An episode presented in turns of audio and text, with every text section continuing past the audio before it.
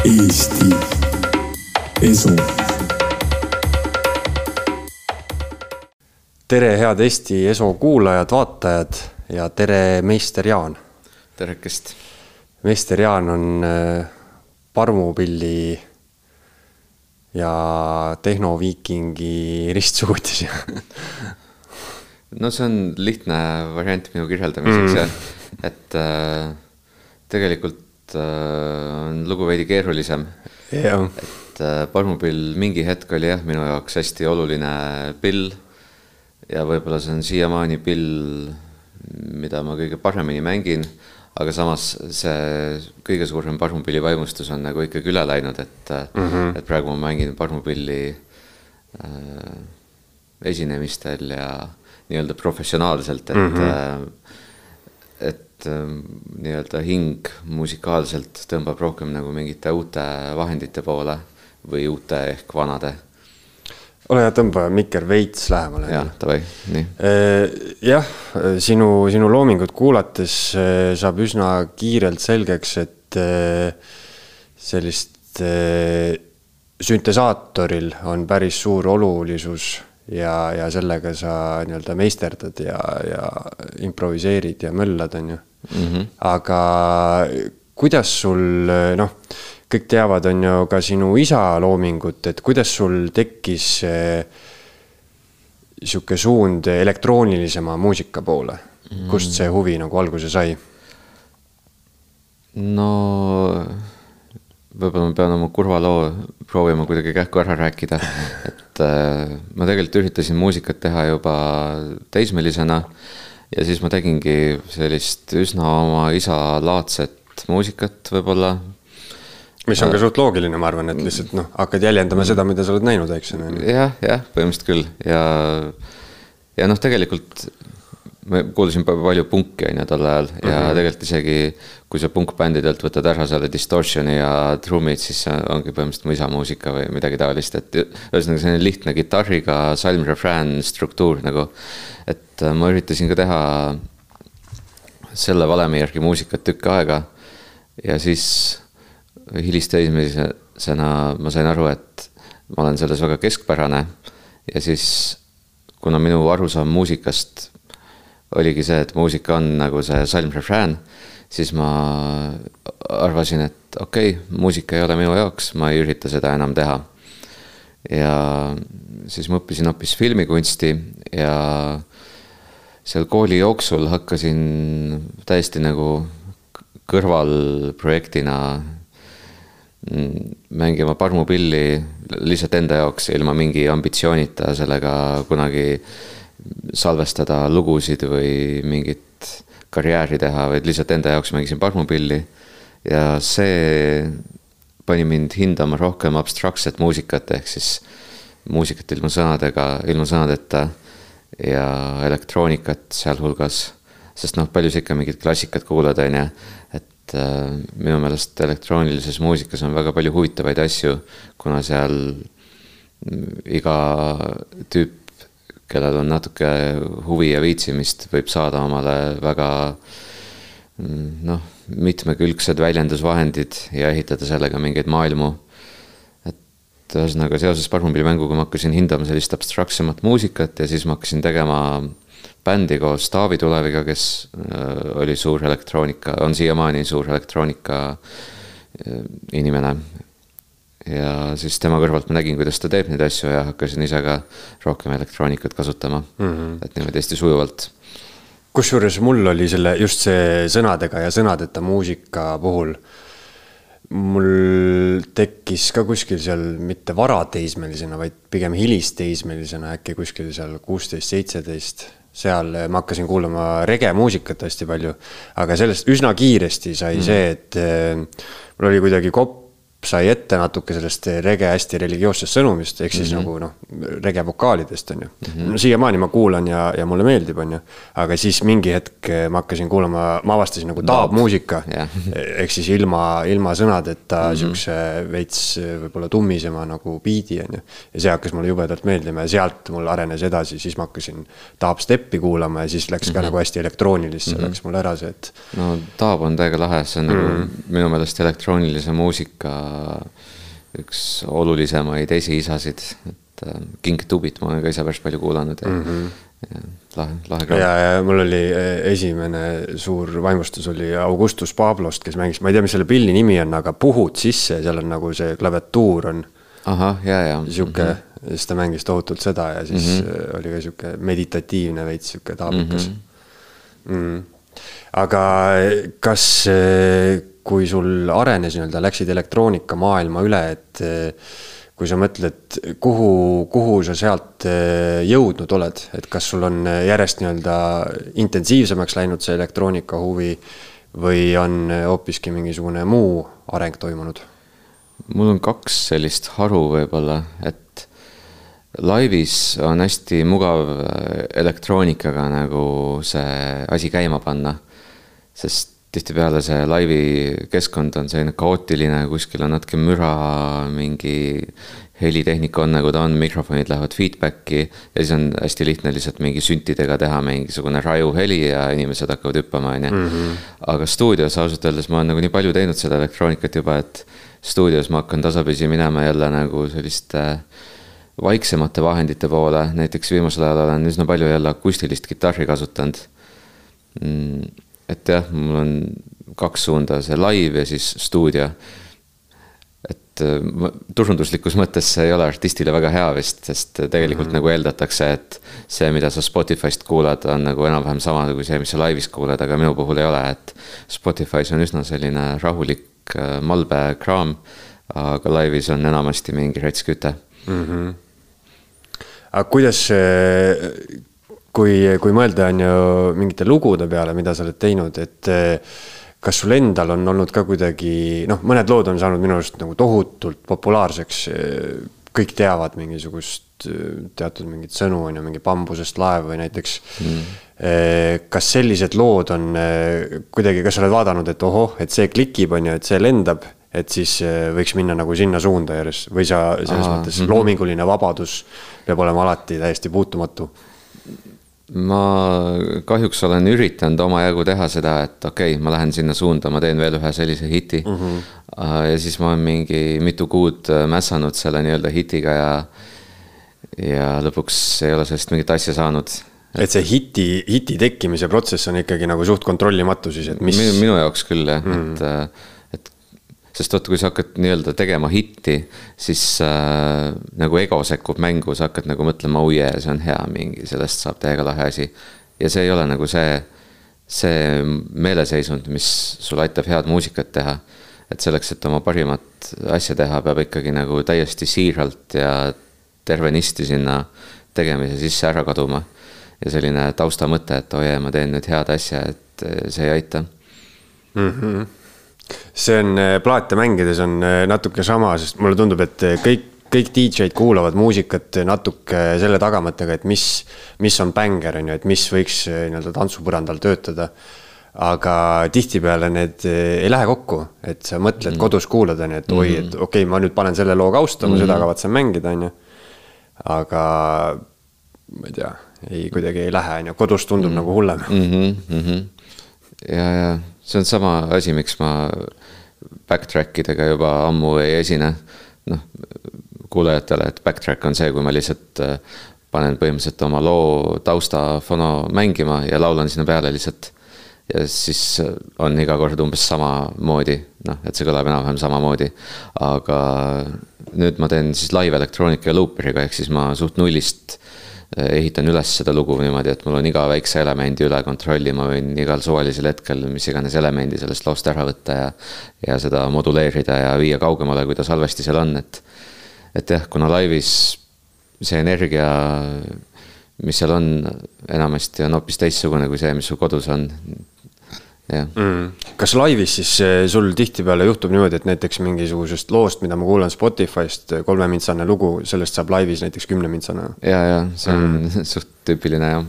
ja, ja, aga kuidas sul loo kirjutamise või loo loomise protsess üldse käib, et ütleme, kui sa lähed kodus, istud enda stuudiolaua taha. Eh, millest sa alustad? enamasti ma alustan mingisugusest helist, mis on hästi mõnus, mis mind inspireerib selleks võib olla mingi parmupilli heli, mingisugune trummiheli, sündiheli. ja kui ma tagasi vaatan, siis paljude parimate lugude puhul ei ole olnud plaani, et vot nüüd ma selle heliga teen loo, vaid pigem, et oh, see on nii heli, et ma, nii hea heli, et ma lihtsalt pean seda salvestama. kasvõi, et ma hiljem kasutan seda sample'ina või midagi taolist. näiteks mõtlen, et okei okay,, ma salvestan selle parmupilli väikse jupikese ära, et siis on ta mul nagu meeles olemas ja seda tehes nagu märkamatult ma olen mingi paari tunni jooksul ehitanud midagi, mis ongi loo selgroog mm. -hmm. ma olen mõelnud seda tihtipeale kirjutamise puhul, et äh, luuletajad või kirjanikud äh,. olen ise ka mingisuguseid lugusid ja asju kirjutanud, et siis võib-olla tihtipeale saabki sul, sa mõtled lihtsalt ühe hea lause, mõtled välja ja seal ümber ei ole nagu tegelikult absoluutselt mitte midagi, et eh, noh, loogiliselt võiks mõelda, on ju, et et ma ei tea, ma kirjutan mingisuguse näiteks novelli, ühe novelli, et mul on mingi mm -hmm. hästi hea puänt või ma tahan midagi mm -hmm. sellega öelda, on ju. aga tegelikult tihtipeale ma arvan, et paljudel see protsess ei saa algus, ei saa nagu, ei alga sellest, et mul on nüüd tohutu mingi suur idee, on ju, vaid mm -hmm. see saabki alguse mingisugusest pisidetailist ja nii-öelda see mõte, miks sa seda teed või, või, või see suurem mm -hmm. nii-öelda eesmärk alles, alles nagu tuleb sinna ümber. nojah, et sul peab loomise käigus olema endal ka nagu, sa pead avastama enda seest midagi, mitte nii, et sul on kõik valmis juba, vaid et, et see protsess ise viib sind nagu järgmiste sammudeni. Et ilmselt kunagi ei ole, on ju niimoodi, et kui sa peas isegi, kui sa mõtled, et kuidas võiks lugu kõlada ja kui sa seda tegema hakkad, siis need ei ühti kunagi, eks ju. Mm ja ausalt öeldes ma isegi nagu ei oska väga peas ette kujutada mingit tulevast lugu mm.. ma oskan sõnasid ette kujutada ja mingit rütmi umbes. et okei okay,, mul on selline lause peas ja mul on nägemus, mis rütmiga ma peaksin seda ütlema, aga, aga eriti kaugemale ma ei suuda sellest minna, et, et mulle meeldib see nii-öelda limiteeritus, mis nende pillidega on, et et okei okay,, et vaatame siis, mis ma nende parmupillide ja süntesaatorite ja asjadega teha saan nagu selles kontekstis mm. -hmm. kui eh, oluline on mingisuguse muusikaprogrammi tundmine selle noh, elektroonilise muusika loo tegemisel on ju. et eh, kui ma ise olen kunagi proovinud mingisuguseid biite teha, siis eh, ma jõudsin paratamatult nagu selle seinani, et et kui ma võtsin selle programmi lahti, siis minu loo tegemine oli see, et ma proovin, mida see erinev nupp teeb, ehk siis ma tegin mm -hmm. seda, mida justkui see programm mul lasi või mida minu teadmised mm -hmm. too hetk lasid, on ju. Mhm. aga mulle tundus, et, et selle jaoks, et nii-öelda teha seda, mida mina tahan teha, ma peaks enne mingi kolm aastat selle programmi taga istuma ja siis ma tunneks seda nii-öelda läbi ja lõhki, on ju. Mhm. ja siis ma saaks teha, et oh, siia on vaja, ma ei tea mm, -hmm. seda, seda mingisugust mm -hmm. helivärvingut juurde.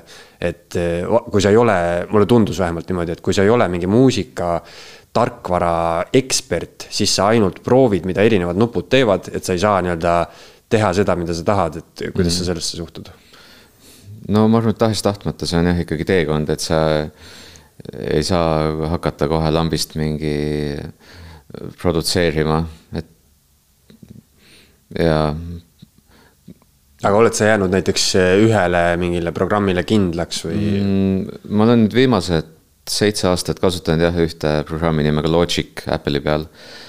aga ma alustasin Abletoniga, see oli mingi aasta-poolteist või kaks Abletoni peal, siis mul oli natuke Cubase ja siis Logic tegelikult juba teismelisena ma salvestasin mingi sellise software'iga nagu Cool Edit Pro kaks mm., aga see selleks uh,.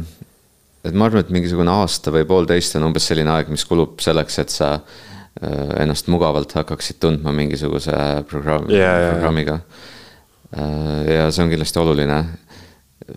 ma praegult ei, ei kujuta ette nagu, kuidas kas ma suudaksin uuesti alustada nagu selle õppimisega, ma ei viitsiks hetkel. aga tol ajal, kui ma alustasin, siis mul oli selline meeletu usk enesesse ja suur vaimustus sellest, mis ma tegin, et ma tegin oma esimesed lood ja juba mul oli selline tunne, et oh jess, see on nii äge nagu. et äh, kuigi tagasi vaadates ja kuulates ma saan aru, et see, mis ma tegin tol ajal, oli nagu sound'i mõttes väga basic. aga ikkagi ma ise tundsin sellest suurt rõõmu ja mm.. ja no see peabki olema, et mingisugune teatud hullumeelsus on vajalik alguses, kui sa alustad sellise asjaga, sa pead ise lihtsalt nautima seda, mis sa teed, kuigi ta nii-öelda võib-olla professionaalses mõttes ei ole veel nagu kõige advanced im jah, sa pead ikkagi, noh, tundub, et iga mingisuguse loomingulise alaga on niimoodi, et sa pead eh, sellesse täiesti sisse sukelduma või peaaegu olema hullumise äärel obsessioonis mm,. jah, on küll tegelikult nii. et noh, mingisugused, ma ei tea kõigile tuntud mingid näitlejad või näited, et eh, kuidas mingi Van Gogh endal kõrva maha lõikas ja oli fantastiline maalikunstnik. selle kohta mulle meeldis see, mis äh, David Lynch rääkis, et, äh, et jah, et kindlasti Van Gogh oli äh, noh, väga õnnetu, aga ta ei olnud õnnetu sel hetkel, kui ta maalis. Et kui sa oled nagu tõeliselt depressioonis, siis sa ei suuda teha midagi, et et, et see sel hetkel, kui ta maalis neid oma ilusaid maale, et David Lynch usub ja mina usun ka, et sel hetkel nagu ta ei olnud nagu nii traagiline. et see kõrva mahalõikamine on see nii-öelda see teine äärmus, see teine pool, aga aga võib-olla sama suure entusiasmiga, aga positiivses mõttes ta jah, läks oma nii-öelda maalimisse sisse mm. -hmm. see on, see on selles mõttes hea filosoofiline mõte et, et räägitakse ju, et kõik kunst sünnib kannatusest ja õige kunstnik peab, on ju, näljasena värisema kuskil, et midagi üldse sünniks mm, -hmm. aga tegelikult noh, tol hetkel ei saa midagi väga sündida, on ju. ei saa jah. et, et võib-olla sa pead selle nagu läbi elama ja siis mm -hmm. ikkagi olema mingisuguses paremas mm -hmm. kohas, et see nii-öelda paberile panna või. jaa, või vähemalt mingis enam-vähem okeis kohas nagu, et mm -hmm. sellega ma kind of nõustun, et mingi kannatus või mingi läbielamine peab olema, sest muidu sa kirjutad äh, lihtsalt luuletuseks, et taevas on sinine, rohi on roheline ja elu on ilus ja rohkem pole, rohkem polegi öelda midagi, et. jah, David Lynch muidugi on äh, teinud ju ühe minu top kolm sarjadest üldse selle Twin Peaksi ja mm -hmm. see oli nagu mm -hmm. uskumatu asi, kui ma seda kunagi vaatasin mm. -hmm. ma vaatasin siis, kui kolmas hooaeg välja tuli, siis ma vaatasin nagu esimesest saati uuesti ära ja, ja. Väga mõnus oli see on jah päris huvitav, no just eriti mõeldes tänapäeva sarjadele, kus noh, paljud sarjad on küll põnevad, kui sa neid vaatad, aga kui sa vaatad neid palju, siis hästi nagu sihukesele ühele struktuurile on asi üles ehitatud, et põnev, põnev, põnev ja siis ta lõpeb mingi nagu eriti põneva koha pealt, siis sa pead panema järgmise osa.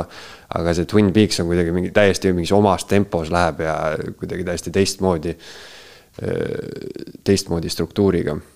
Aga sa mainisid enne, et et mingid nagu noh, näiteks mingi heli inspireerib sind, on ju. et ma olen siin ka hästi paljude loomeinimeste käest küsinud enda arvates kõige lollimat küsimust, mida saab mõnelt kunstnikult küsida. et mis sind inspireerib, on ju, ja noh mm -hmm. loogiliselt võttes loomulikult see on mingi kogu elu, võiks öelda vastuseks, on ju. Mhm. aga kui ma küsin su käest, et mis sind inspireerib, siis mis see on mm.? Mulle tundub, et inspiratsioonil on nagu mingid erinevad äh, sellised Mm, tasemed, et võib-olla kui ma hakkan reaalselt nagu füüsiliselt, praktiliselt tegema muusikat, siis mind võib see heli inspireerida. aga selle taga peab olema ka mingisugune sügavama taseme inspiratsioon, mis äh, tuleb jah, nii-öelda kogemustest, elust, sellest, kas sul on midagi öelda. see ütlemine ei pea olema muidugi mingisugune sõnaline ütlemine, vaid lihtsalt mingisugune kogemus selja taga, mis tekitab sul sellise tunde, et ah, pagan küll nagu. ja siis sa paned selle muusikasse. see on jah, et üldse, miks sa üldse nagu teed, mida sa teed, on ju, mingi hästi sügav nii-öelda, ma ei tea, kasvõi põhjendatus iseenese ees. aga kas sa oled vahepeal mõelnud ka, et, et kurat, et teeks midagi täiesti muud, et suvase muusika näiteks? Äh, jaa, olen. ja ma vahepeal üritasin ja kind of siiamaani üritan mingit äh, filmi tegemise äh, karjääri aretada. aga muusika nagu tõmbab mind endasse tagasi, et nii lihtne ja mõnus on muusikat teha, ma ei pea nagu üldse ennast kuidagi sundima selleks. et no nii, võta ennast kokku ja hakka nüüd muusikat tegema, vaid see on lihtsalt nagu, ma ei saa sinna parata, mind nagu tõmbab sinna seda tegema mm. -hmm. jep aga kui eh, jah, see inspiratsiooniga, sellest on ka nagu võimalik hästi palju jahuda, on ju, ja räägitakse sellest, et eh, mingisugune inspiratsiooni ootamine või sihukese mingi sädeme ootamine on eh, igasugusele loomeinimesele, inimesele nagu hukatuslik, et siis sa võidki jääda ootama, et. et kuidas sul selle loomeprotsess on, et seal on noh mm., ongi on umbes kaks äärmust, mulle tundub, et üks on distsiplineeritud, ma ei tea, iga päev teen ühe loo, sihuke suhtumine mm -hmm. ja teine on see, et et ma ei tea, lähen mingisugusele reisile, ootan, kogen midagi, ootan inspiratsiooni ja siis mul tuleb näiteks kolme kuu pärast tuleb mingi fantastiline heureka moment, et davai, nüüd ma teen ühe ägeda loo, on ju. Mhm. et eh, kuhu sa seal skaalal nagu paik-, paigutad ennast mm,? ma olen erinevat moodi lähenenud sellele, et hetkel ma paigutun pigem sinna, et ma ei tee väga rutiinselt seda, vaid, vaid elan ja kogen ja, ja, ja siis natuke hiljem teen. et aga põhimõtteliselt mul ennem seda oli mitu aastat, võib-olla kuus aastat järjest selline, kus ma suhtusin sellesse kui töösse. et, et ma lähengi mingi hommikul peale hommikusööki stuudiosse ja siis hakkan seal midagi tegema ja õhtul lõpetan tegemise ära ja, ja noh. Ja siis kuidagi olen nagu rahul sellega, et ma olen midagi teinud, isegi kui mul ei ole midagi välja tulnud. aga ei saaks öelda, et see protsess nagu alati väga viljakas on olnud, et, et nüüd viimasel aastal ma olen tundnud pigem seda, et ma olen nii kaua stuudios olnud, et et, et ma pean vahepeal elama elu kogema ja, ja siis tegema muusikat, nagu Rick Rubin, üks produtsent ütles, et parim muusika ei sünni stuudios, vaid seal väljaspool stuudiot, et stuudios sa ainult nagu teostad selle mingi sõnumi, mis sul kuskil mujal on tekkinud. et kui sa oled nagu ainult stuudios, siis äh, see on selline suletud süsteem. et, et siis äh, läheb kuidagi igavaks või selliseks üksluiseks ära, et ma hetkel tunnen, et ma pean mingi seiklema ja elama ja ja sattuma mingitesse olukordadesse ja, ja siis teen jälle mingisuguse paarikuise sellise stuudiosessiooni mm. -hmm. ilmselt on jah, sinna stuudiosse ka võimalik nii-öelda kuidagi mutta kinni jääda, et, et kui sa. või mugavusse. ja, ja, et ma kujutan ette, et kui sa a la teed sada päeva, proovid teha iga päev ühe loo, on ju. et mingi hetk sul, sa hakkad lähenema sellele nagu hästi, noh, mingi muster tekib, et sa võtadki mingi loo ette ja sa hakkad seda nagu hästi ühtemoodi tegema, on ju. et siis see mingis mõttes võib-olla sul on võib-olla raskem ja no mingi vana hea, mingi värske pilguga asjale läheneda, et kui sa sada päeva oled teinud, siis sa noh, selles mõttes sa võtadki, ma ei tea, võtad mingi, alustad näiteks trummidest, on ju, iga päev alustad trummidest ja siis on võib-olla raske sealt nagu välja saada. et sa jääd kuidagi sinna stuudiomaastikku kinni täiesti. no hea, kui sa üldse lugu teed, siis sa oled päris tubli juba, et mm. mina, kui ma tegin seda nii-öelda rutiinset stuudioasja, eriti hull oli see siis, kui mul oli renditud stuudio nagu kodust eemale sest siis mul oli nagu aega maa ja ilm, kõik kodused mured selja taga ja siis ma läksin rõõmuga hommikul stuudiosse, natuke tegin midagi, siis hakkasin, äh, ma ei tea, lihtsalt logelema, laisklema Äh, alati luues endale mingeid põhjendusi, et aa ah, jah, mul on vaja natuke mingi vaadata neid Youtube'i videosid või ah, lõunaaeg ongi juba lähedal, et praegu enam ei jõua midagi teha, et. siis, siis lähen mingi kenasti lõunasöögile, siis tulen tagasi, nüüd peab natuke leiba luusse laskma, mingi teed ja kohvi jooma ja. Ja, saabki niimoodi laiseldes päev otsa, siis korra teed mingi väikse jämmi ja, ja siis hiljem kuidagi veel poputad ennast, et. ja olid väga tubli, et sa vähemalt üritasid mm, -hmm. et et jah, ma olen olnud sellises kohas ja. ja see sakib, et praegult ma, mul on jälle kodustuudio, kuigi see võib-olla varsti jälle muutub. aga kodus on see, et siis nagu kuna need olmelised mured kogu aeg pommitavad sind, siis kui ma lähen stuudiosse, siis ma, see aeg on mulle nii kallis, et ma seal stuudios ei hakka enam mingi Tiktoki passima või midagi sellist tegema mm. -hmm, mm -hmm. see on äh jah, seoses ka mingisuguse kodukontoriga, et, et kumb siis parem on, kas kodustuudio või see, et sa saad iga päev välja minna? ma arvan, et kuidas kellelegi ja võib-olla vahepeal on nii, vahepeal naa. et jaa mm. -hmm aga rääkides veel inspiratsioonist, et enne ka korra rääkisime, et vist nägin sind kunagi ühel pööripäeva peol mussi mängimas ja pööripäeva pidu on sihuke, ma ei tea, kas ta enam üldse toimub? toimub küll, jah ah,. toimub mm. -hmm aga sihuke huvitav koht, kus mina ka aastaid tagasi käisin eh, niimoodi järjest isegi päris pikalt, et ta on sihuke ära eraldatud eh, sündmus, kuhu inimesed tulevad kokku mitmeks päevaks ja panevad drooge, kuulavad mussi ja tunnevad seal ennast täiesti vabalt, on ju. et eh, noh kuulates sinu lugusid, siis eh, ma arvan, et kõigil lööb pähe, kuidas, kui küsida, et eh, kuidas iseloomustada meister Jaani loomingut, on ju. siis ma arvan, et sõna tripi käib seal eh, paljudest asjadest mm -hmm. läbi, et. et kuidas erinevad psühhedeelikumid on sind mõjutanud või kas need mm -hmm. inspireerivad mm -hmm. või need on lihtsalt mm -hmm. kuidagi tagataustal uh,? kui ma mingit statistikat teeksin siis tuleks sealt välja, et äh, üsna mitmed mu paremad lood on järgnenud mingitele äh, ägedatele happe- või seenetrippidele.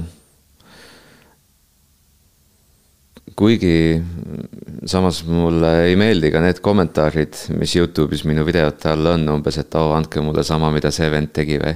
sest -hmm. see ei ole ikkagi nagu point, et äh, et, et mida, ma tunnen, tunnen. mida Jaan suitsetab. jah, jah, et, et ma tunnen, et dro-, droogidega on pigem nagu see, et äh, nad panevad sind olukordadesse, kuhu sa muidu ei satuks eriti. no kasvõi see, et sa lihtsalt äh, teed selle jalutuskäigu sinna kohta, kuhu sa ei ole varem kõndinud või sa passid tund aega paigal sellel ühel lagendikul ja siis jookseb sulle mingi kits otsa lihtsalt, kuna ta ei näe sind või siis see, et sa lihtsalt oled hommikuni üleval ja mõtled oma mõtteid ja ei tegele mingite kõrvaliste asjadega. Need on kõik need asjad, mis minu jaoks droogide tarvitamisega kaasnevad, on ju.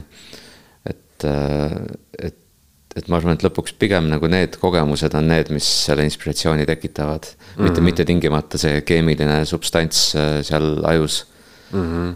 et jah sellega jah, kunagi ma muidugi mõtlesin, et just kui ma esimest korda midagi sellist tundsin, siis ma mõtlesin, et, et oi, kui mina oleks maailma president, et siis ma paneks eh, kaheteistkümnenda klassi lõpueksamil, lõpueksami asemel teeks kohustuslikuks ühe LSD tripi, et kõik peavad selle läbi tegema. Ma mõtlesin, et see on nii vajalik kõigile aga siin muidugi murelikele kuulajatele, vaatajatele ütleme ära, et me ei soovita mitte ühtegi illegaalset ainet tarbida. ah, jaa, tõepoolest ei soovita, sest äh, ma kunagi mõtlesin ka sedasama mõtet, mida sa just äh, mhm. kirjeldasid mm. aga. nüüd ma olen muidugi ka teistsugusel arvamusel juba, et see oli mul sihuke esimene vau äh, moment, mhm. on ju.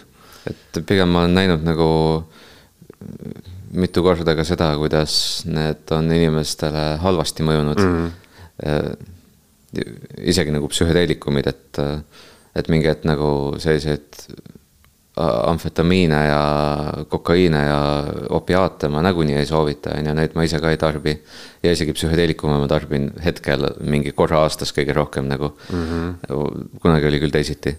aga jaa, aga isegi need psühhedeelikumid, mida ma nii kasulikuks ja kahjutuks olen pidanud Äh, olen näinud, kuidas on inimeste elu äh, ära rikkunud või isegi lõpetanud paaril korral.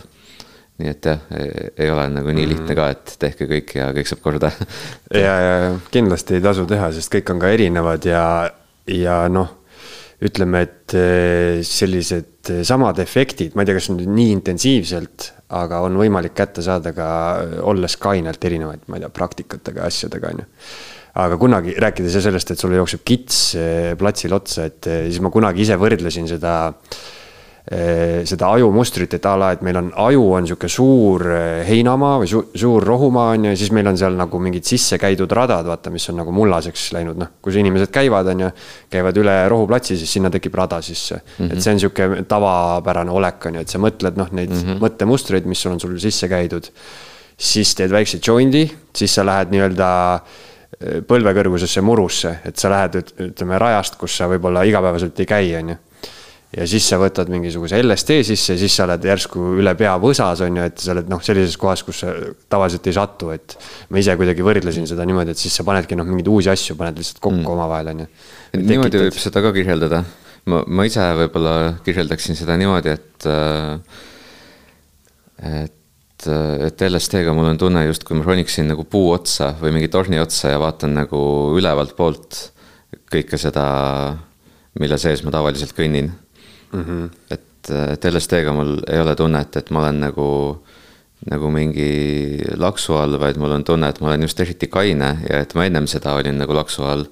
mõtlen tagasi kõigile neile äh, argipäevadele ja nendele ärritumistele ja harjumustele ja siis see tundub kõik selline hägune võsa. ja see LSD mõju tundub olevat selline äh, selge kõrge torni otsast alla vaatamine nagu mm. -hmm. aga, aga jah, et ähm, selle, selles osas nõustun, et nagu ikkagi kõrvaleminek sellelt harjumuspäraselt, jah mm. -hmm jah, sellised, sellised analoogiad on ka, on ka hästi tuntud, et justkui mu silmad, silmad avanevad või mingid kardinad tehakse lahti või noh, et mm näed midagi selgemalt, on ju mm. -hmm ja, ja siis eh, tundub, et järsku nagu saad aru, et eh, kõik, kuidas siin toimub ja, ja noh, üks põhijäreldus minu arust, mis selliste noh, trippides tekib, on. noh, vähemalt minul on tekkinud, on see, et eh, kõik on seotud kõigega, et absoluutselt noh, mingist mikrost makrosse lõpuni on ju mm,. jaa, on äh.... sihuke liblika efekti sihuke arusaamine või noh, et iga väike asi nagu mõjutab kõike põhimõtteliselt minu jaoks nagu psühhedeelikumid lähevad väga hästi kokku budismiga, budistlike järeldustega. sellega, kuidas ei ole olemas nagu midagi, mis on olemas nagu asjana iseeneses, vaid kõik on suhteline. samuti ka meie isik ja meie ise ja kõik see nagu on, on lihtsalt see erinevate suhete mingisugune kogum mm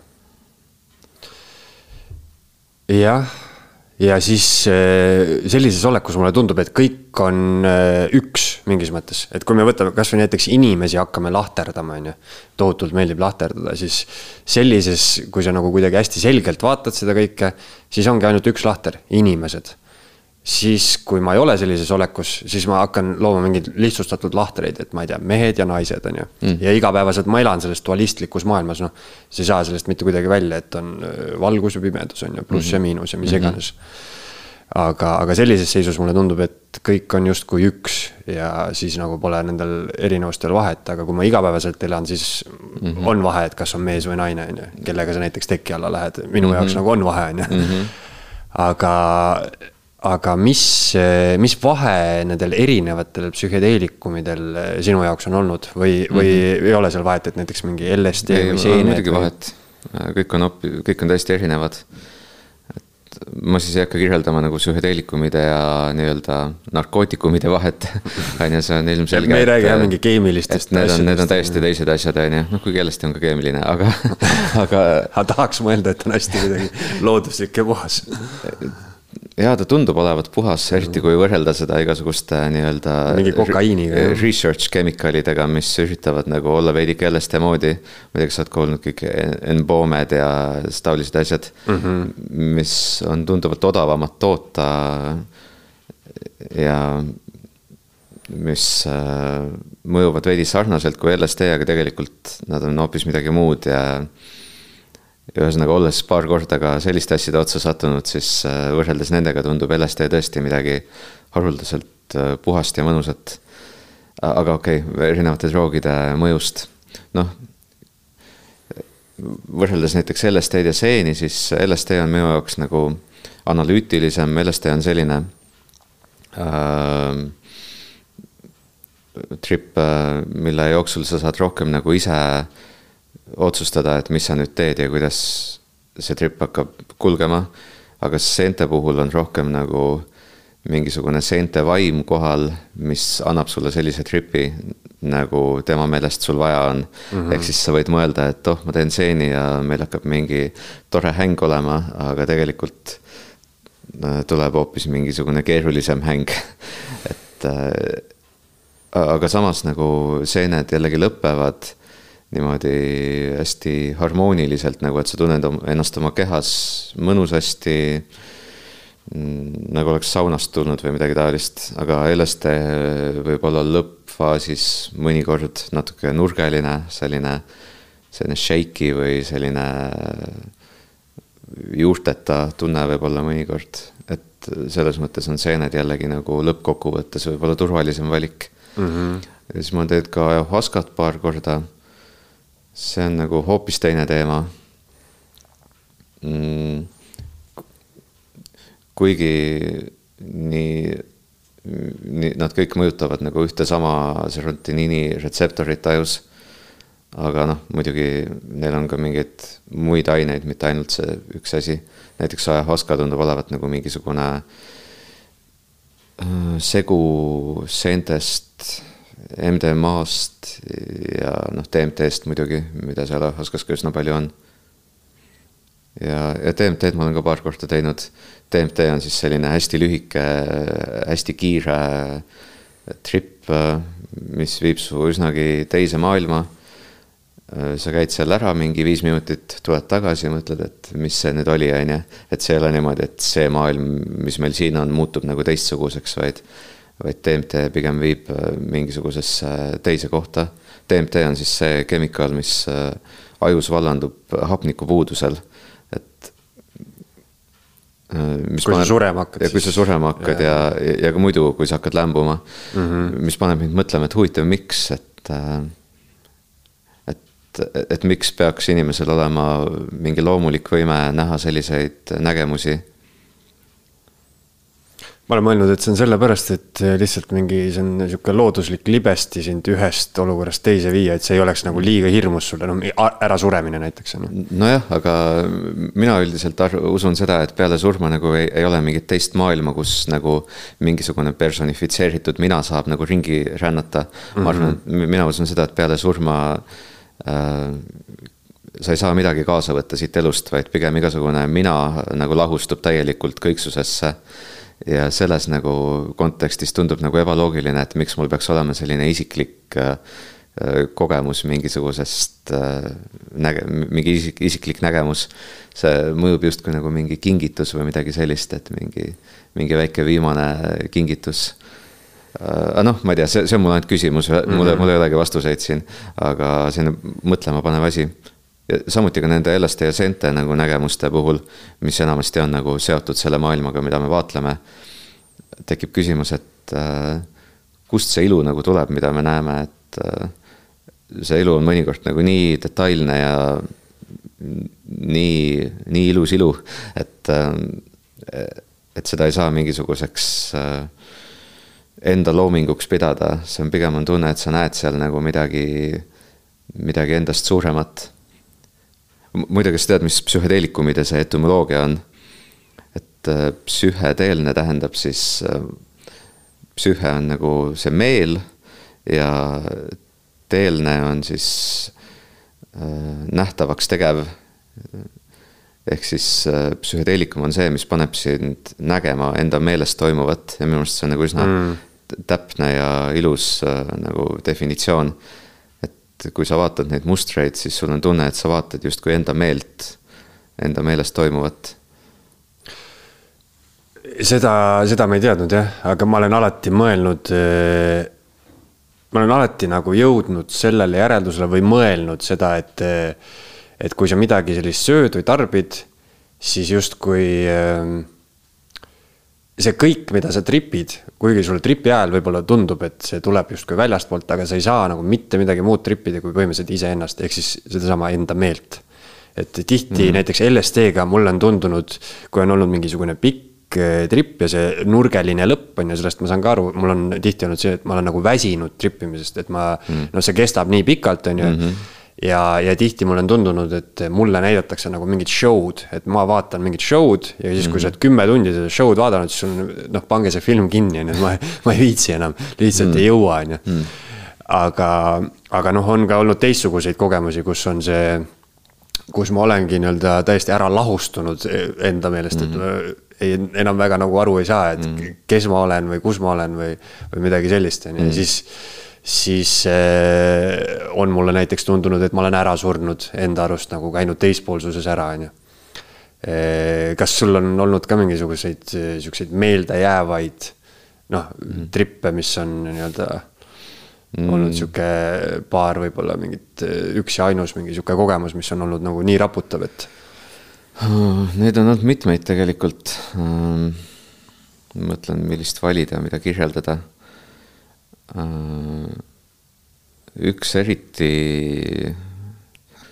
äh, kuidagi meeldejääv trip oli see, kui koos sõbraga mm, olime looduses ühel saarel ja siis võtsime LSD-d ja seeni nagu korraga. ja siis me pidime külla minema seal ühele inimesele ja hakkasime minema üle mingi põllu. ja tasapisi see trip aina nagu tuli peale ja lähenes ja lähenes ja kõik muutus aina mänglevamaks, kõik need pilved ja see põld ja. ja siis meid tõmbas nagu mere äärde hoopiski, siis läksimegi mere äärde mm.. ja nagu tripi alguses ikka, siis äh, mul olid peas mitmesugused mõtted, et kas ma nüüd selle asja tegin õigesti, kas ma peaksin nagu seda asja muutma, kas ma peaksin sellele inimesele midagi ütlema, kuidas ma saaksin nagu asja parandada, kas ma olen oma elus mingi kõik asjad ikka õigesti teinud, mingid sellised mõtted olid, mille peale ma nagu ainult mõtlesin. ja siis mu sõber ütles, et kuule, et mis sa et, mõtled, et proovi nagu mitte mõelda. ja siis mõtlesin, et aa okei okay,, ma proovin. ja siis ma lihtsalt otsustasin, et ma ei mõtle enam ja ei mõelnudki äh, aga kui ma selle mõtlemise lõpetasin, siis mul hakkasid tulema justkui nagu mingid, kuidas seda nimetada, mingid teadmised või. Need ei olnud nagu mõtted, vaid need olid mingid teadmised just nimelt ma ei tea, see kõlab väga, väga esoteeriliselt. ma tegelikult just ennem rääkisin sulle ennem seda podcast'i algust, et ma ei ole üldse esoteerika inimene, aga mm -hmm. see jutt nüüd kõlab väga esoteeriliselt. ühesõnaga, ma tundsin neid teadmiseid oma peas. ja siis ma lihtsalt kõndisin mööda mereranda ja ma tundsin, kuidas ma nagu olen osa loodusest ja universumist ja kuidas äh, nagu ei ole mingit piiri minu ja universumi vahel ja, või noh, okei okay,, kui seal väikene piir on, siis seda saab nagu natuke ületada, näiteks ma lihtsalt kükitasin ja panin sõrmeotsad merevette ja tundsin, et ma niimoodi nagu suhtlen merega. ja siis läksin veel edasi koos sõbraga ja järsku vaatame, et eemalt silmapiiri poolt äh, tuleb saare poole selline tume pilv ja, ja seal all nagu välgub natukene ja see pilv tuli aina lähemale, lähemale ja. ja ta tuligi täitsa nagu peale sellele saarele lõpuks ja otse üle meie läks nagu äikesetorm. nii et kõik need välgud ja paugud käisid nagu otse igal pool meie kõrval mm. -hmm. nagu ja see oli nii, nii võimas kogemus lihtsalt, sest noh, selle LSD ja sente mõju all veel kõik ju nagu kõik on justkui ruuporis. jah, ja kõik moduleerib ja kajab ja on värviline, välgud ei ole lihtsalt valged, vaid see on nagu selline.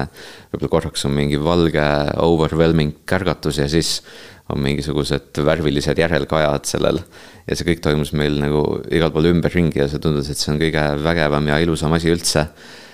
ja, ja enda nagu see meel oli ka hästi süngis sellega, mis ümber toimus. et näiteks oli välk, siis ütled, vau, kui lahe. ja siis selle peale tuleb kohe nagu puh, uus välk mm.. mis tundus ju olevat justkui vastus sellele, mis, mis ma ütlesin mm. -hmm. et, äh, et, et selline hästi süngis loodusega, universumiga süngis kogemus oli äikesetormis LSD ja see võib päris äge olla jah mm. Äh, kusjuures esoteerika etümoloogia on see, et esoteerika tähendab salajasi teadmisi jah, seda Eks, ma tean. kui need teadmised sulle tulid, siis. nojah, aga, aga see ongi see, et okei okay,, see, see on teine teema, see, see, sel hetkel mul olid tõesti salajased teadmised mm, -hmm. need on nii, nii salajased, et, et ma isegi ei tea täpselt, mis need on ja, ja võib-olla minu probleem esoteerikaga mõnikord ongi see, kui nagu üritatakse teha lihtsaks midagi, mida tegelikult ei ole võimalik nagu sõnadega kirjeldada või mm, -hmm. you know. ja siis tekib muidugi küsimus, et kas üldse peaks, on ju äh, nagu üritama midagi kirjeldada, aga minu arust see on nii inimesesse sisse kirjutatud no,, see üritamine, et. eks, eks vist on. jah, et see noh, põhimõtteliselt ma ütleks, et see podcast see, nagu väga-väga sihukeses üldises plaanis tegeleb enam-vähem ainult ühe küsimusega, see on, mis juhtub pärast surma hmm.. see on mul nagu see põhiküsimus hmm mis kuidagi noh, isegi kui me absoluutselt sellest ei räägi, on ju, siis see kuidagi kannab ikkagi kõiki minu vestlusi nii siin mm -hmm. podcast'is kui ka eraelus ja, ja igal pool, on ju Äh, see Uku Masingul oli mõte, et, äh, et meie inimene ongi nagu homo religiosus või ma ei tea, kuidas ta ütles seda. igatahes, et see, mis teeb inimesest inimese, ongi see, et ta mõtleb sellele, mis tuleb pärast surma mm.. et äh, see oligi see nii-öelda keelatud vili, mis meid paradiisist välja tõi. et, et minu jaoks on see ka hästi baasküsimus mm. -hmm. kuigi mul enamasti ma proovin nagu mitte, mitte anda ka sellele liiga lihtsaid vastuseid, et, et mulle tundub nagu veidike soovmõtlemisena see, et, et me üritame luua mingi müüdi sellest, kuidas meie enda vaim nagu sellise energiapallikesena ringi lendab kuskil hoopis teistsuguses dimensioonis, et see tundub mulle ka nagu lihtsustus või selline soovunelm. et mingisugune mina jääb alles, nagu nii paljud soovivad seda, et mina jääks alles, ma pigem nagu proovin leppida sellega, et mina kaon nagu täielikult ära ja saan osaks millestki väga üldisest mm. -hmm. või kuidas sul on sellega? Ma olen mõelnud seda tihtipeale, noh, ma ka mingeid vastuseid siin ei tea, on ju, aga mulle meeldib ka sellel teemal arutleda, et siis eh, see mina, mulle tundub, et nagunii kaob ära, kuigi kui mõelda siin, eh, tegin paar saadet tagasi surmauurijaga, rääkisin kes rääkis mulle, kuidas ta sai kokku ühe Jaapani teadlasega, kes oli siis tohutult uurinud äh, neid väikeste laste lugusid, kui väiksed lapsed täiesti selgete mõtetega räägivad, mis nad eelmises elus justkui tegid ja siis mingist vanusest see kuidagi kaob ära, on ju, et neil läheb mm. meelest ära või neile öeldakse, et ära aja lolli juttu, on ju. et noh, see on nagu üks teooria, aga siis, kui ma mõtlen sellele kuidagi proovin, ma ei tea, noh mulle meeldib kõike kuidagi loodusega võrrelda, et äh, kui see mingisugune noh, kui inimene on üks, me oleme siin nagu põhimõtteliselt ühe, ühe põhimõtteliselt sihukese fenomeni avaldumisvorm, et äh, sina ja mina, on ju. et me oleme tegelikult seesama asi, mis on justkui mingi sihuke suur seeneniidistik, on ju. ja siis äh, seeneniidistikust tuleb välja üks kärbseseen, ehk siis näiteks mina. ja kui ma ära suren, siis tuleb, äh, keegi lõikab selle kärbseseene ära näiteks on ju, sööb ära. ja siis mm. ma lähen justkui tagasi mm., aga ma olen osa ikkagi sellest seeneniidistikust, ma võib-olla ei tea, et ma olin see kärbseseen on ju -hmm. aga ma võin mingis uues kohas tuleb jälle vihm kuskilt. ma võin jälle mingisuguse puravikuna hoopis välja tulla kuskilt on ju. no kahtlemata ja, ja mitte ainult nagu bioloogiliselt, vaid ka sinu see, kuidas sa oled maailma mõjutanud, sinu teod, ehk mm -hmm. mida budistid nimetavad karmaks. et see, see karma jääb maailma mõjutama edasi pärast, pärast su surma ja mõnes mõttes mul on raske nagu aru saada sellest individuaalsest nagu uuesti sünni ahelast.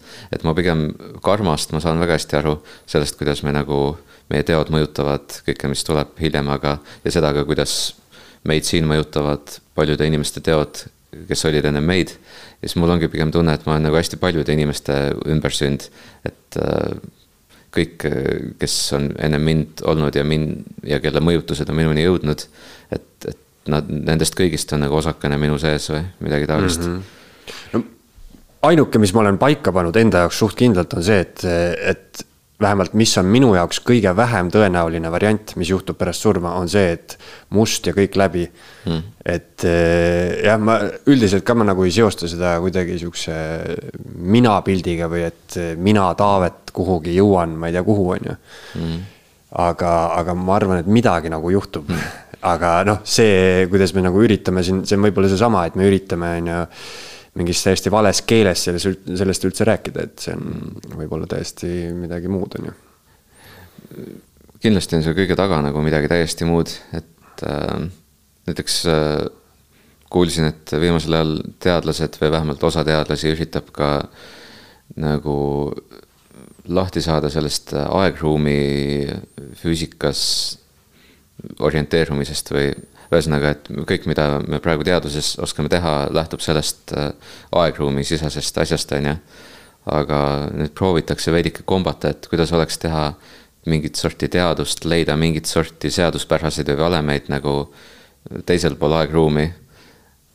Äh, mis on nagu hästi meta, selles mõttes mm, -hmm. et mhm. see on nagu seesama, et, et see reaalsus ja kihid on nagu nii sügavad, et kui me kui me vaatame seda kätt, on ju, siis see on umbes sama, nagu me vaataksime oma telefoni ekraanil olevaid ikoone, aga me ei tea nagu, mis vooluringid seal telefoni kiibistikus äh, toimuvad, on ju. et samamoodi, et, et ma arvan, et need vooluringid siin meie maailmas on kuskil väga-väga sügaval see binaarkood on, on nii kaugel, et ma ei kujuta ette, kuidas selleni võiks jõuda. sest selles mõttes, et see fakt, et maailm üldse olemas on, on üldse nagu nii äh, äh, awesome, et äh,, et see paneb nagu kuidagi ühesõnaga, see, see teeb nagu juba natuke religioosseks mind, see, et üldse midagi olemas on. Ja, ja see, kui vähe me teame sellest, mis on nagu aegruumi taga ja. ja ühesõnaga kogu see metafüüsiline värk. no mida aeg edasi, seda seda rohkem ma jumalasse usun, ütleme niimoodi. aga põhimõtteliselt jah, no seal on veel noh, seal on hästi palju harusid, on ju. kuidas, kuidas me räägime sellest, et, et mis siin üldse toimub ja mis toimub näiteks pärast surma, on ju.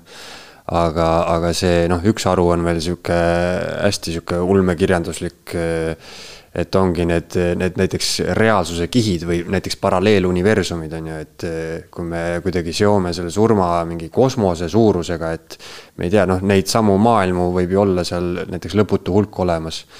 Eh, või siis teine sihuke ulmekirjanduslik teooria on simulatsiooniteooria muidugi, et ikkagi tõmmatakse sind juhtmest välja ja see, see nii-öelda päris maailm või see, mis juhtub pärast surma, see on ikkagi mingisugune labor või, või mis iganes asi on. no see teooria millegipärast ei ole mulle väga sümpaatne, kuna no esiteks tundub lihtsalt ebatõenäoline ja teiseks äh, mulle nagu ei meeldi see mõte, et, et see siin on kuidagi nagu fake ja kuskil mujal on see õige päris asi mm. -hmm. ma arvan, et see siin on ka nagu samavõrra illusoorne ja samavõrra päris kui kõik muu, mis saab olla, et et mulle meeldib ikkagi nagu, nagu mõelda, et see, mis siin on, see kõik loeb, see kõik on nagu päris, see kõik on oluline mm. -hmm. et äh, sellepärast mulle simulatsiooniteooria endale väga ei sob-, ei istu. jah, no simulatsiooniteooria on muidugi jah see, et et siis, kui minna selle teooriaga nagu hästi-hästi kaugele, on ju, mm. siis juhtubki see, mis sa ütled, et siis sa noh, täiesti äärmuslikus näites sa hakkad testima, et ma olen nagunii simulatsioonis, on ju, et see kõik on fake. ma tõmban endale kuuli pähe ja vaatame, siis ma tahan nagu päris maailma näha, on ju. Mhm. et eh, aga noh, sihuke Matrixi kontsept on, on selles mõttes hästi huvitav, jah mm. -hmm. ja, ja, ja see paralleelmaailmade asi pidavat praegu USA-s nagu hästi popp olema. näiteks oli see film ka see, kuidas see oligi, Everything Everywhere All at Once yeah.. et, eh, et ma nägin seda filmi kõigepealt ja siis ma kuulsin, et kuskil seal äh, Äh, Californias ja sealkandis pidi olema nagu eriti mingite tech äh, prode ja selliste tüüpide seas pidi see olema suht nagu religioon, et äh, mm., et, et ongi nii. ja, ja see on ka hästi huvitav asi. ja noh, see on mingisugune. noh, ma ei tea, kui me räägime esoteerikast, et sa ütled, et esoteerika on sinu jaoks suht kauge maailm, aga kindlasti on sul juhtunud seda, et sa näiteks mõtled mingi sõbra peale ja siis ta kohe helistab sulle, on ju. ja, jah, kindlasti. kuidas seda selgitada? kuidas sa enda jaoks seda selgitad mm.? see on suht esoteeriline no, juhtum. selles mõttes, et mulle meeldib, kui elus on müstikat. Nii et enamasti ma selgitan seda niimoodi, et äh, nii pidi juhtuma või midagi taolist mm., aga äh, aga kui ma tahaksin seda kuidagi niimoodi hästi ratsionaalselt seletada, siis on see see, et et meil on hästi palju alateadvuslikke mõtteid käimas kogu aeg, mida me ei pane tähele, kuniks miski meie tähelepanu sellele juhib, näiteks nagu nagu see, et meile tundub, et tihtipeale kell on kakskümmend kaks, kakskümmend kaks või kell on kümme, kümme. Et tegelikult me lihtsalt paneme tähele neid numbreid, kui need on sellised tähelepandavad numbrid et me vaatame kella hästi tihti ja me ei pane seda tähelegi, aga siis sel hetkel, kui see kell on kakskümmend kaks, kakskümmend kaks, siis me paneme seda tähele ja siis me mõtleme, et what the heck, kell on kogu aeg mingi numeroloogiline mingi sümbol. inglinumbrid. jah aga jaa, selle esoteerikaga on mul nagu selline kahepoolne, kaheteraline suhe nagu, et ühest küljest ma nagu vastandun sellele. teisest küljest nagu mind ka huvitavad kõik need teemad ja näiteks mm -hmm. seesama Ouroboros, uss, kes sööb enda saba, on ju. et see on mingi sümbol, mis on mulle oluline olnud ja mul on see isegi välja prinditud ja seina peale pandud kodus ja et äh, mm, jah, mul lihtsalt selline kaasaegne Äh, Mambo jumbo. jah, eriti selline kommertsialiseeritud variant nagu on kuidagi nii ebasümpaatne, et mm. Äh, see on kuidagi ära rikkunud asja või ma ei teagi. jah, see kaasaja variant, ma olen, äh, nüüd ma ei ole tükk aega näinud, aga vahepeal mulle viskas tohutult kuskil Instagramis vist ette reklaami, et ennustusliin, et helista siia, ma mõtlesin, et kas tänapäeval on ikka veel siuksed asjad olemas mm., et, et helista on ju ja ennustame sulle. ahah ja siis, siis ma isegi mõtlesin sellest ühe podcast'i teha, et ma helistan sinna ja, ja, ja siis räägin, on ju. ja salvestan seda, mida see naine räägib, aga ma ei ole veel jõudnud. no tee kindlasti.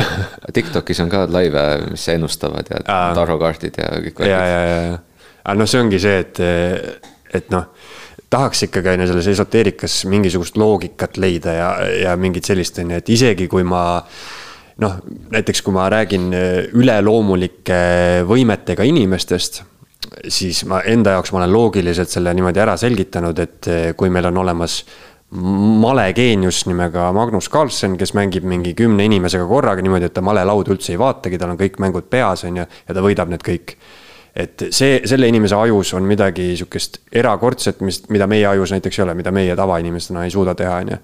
ja siis minu selgitus eh, nii-öelda nõidadele on see, et on ka energeetiliselt siukseid nii-öelda geeniuseid mm. olemas, kes energeetiliselt noh, ta tulebki siia ruumi, ma ei tea, ta oskab rääkida, mis on sinuga elus juhtunud, sest ta lihtsalt tunneb kuidagi niimoodi, on ju aga see kommertsiks muutumine, see on jah, selles mõttes, et isegi kui sul on selline energeetiline geniaalsus või, või sa tõesti tunnedki midagi palju rohkem, mida meie võib-olla ei tunne, on ju. siis eh, mulle tundub, et seda kontrollida, seda kontrollida näiteks niimoodi, et sa helistad mulle ja ma hakkan sulle kohe rääkima. see on nagu äärmiselt eh, ebatõenäoline minu jaoks, et see noh see peab kuidagi olema ikkagi kontrollimatu, ma ei tea, kas see tuleb sul vahepeal peale või noh, et seda niimoodi tööle panna, et nüüd ma hakkan noh.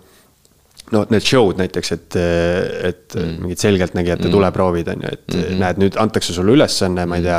ütle, mis pilt siin ümbrikus on, et siis mulle tundub see nagu hästi raske, et mm., et kuidas sa siis nagu lülitad tööle sinna enda radari, et isegi kui sul on see radar mm. -hmm. aga, aga selliseid radariga inimesi nagu ka ma ei tea, malegeeniuseid või, või keda mhm. iganes on oluliselt muidugi vähem, kui, kui näiteks meil siin Eestis nõidasid turul või midagi sellist, on ju. nojah, seal on mingid äh, küsimust, mida võib küsida näiteks, et kas nii-öelda see, et ta oskab sulle su elu kohta asju rääkida kas see on nagu sellepärast, et ta tõmbab seda kuskilt äh, mingitelt äh, energiaväljadelt või ta lihtsalt on emotsionaalselt nii intelligentne, et ta sinu välimuse järgi oskab kohe nagu, nagu öelda umbes, mis sinuga on toimunud ja mm, -hmm. ja teha mingeid järeldusi. no sellest muidugi ma olen palju nõidadega rääkinud, et sellest ah, okay. üldiselt äh, saab aru, et, et kas ta nagu järeldab ja noh, sellest saad aru mm. nagu jutu konkreetsusest on ju. Mm -hmm.. ja siis, kui ta ütleb näiteks mõne fakti sinu kohta, siis on mm alati ka kahtlus see, et ta on mm ju kuidagi selle välja uurinud, on ju. nojah, eriti kui ta tuleb siia podcast'i, aga äh, nojah, jah, ei, see on põnev, lihtsalt äh, mul, mul oli mingisugune isiklik selline mingisugune pettumine vist seal, kui ma olin mingi kahekümnendate alguses või niimoodi. et ennem seda mulle meeldis ka uskuda nagu, et kõik on võimalik, aga siis äh,. aga siis näiteks oli see lugu Masaru Emoto, kes neid veekristalle pildistas.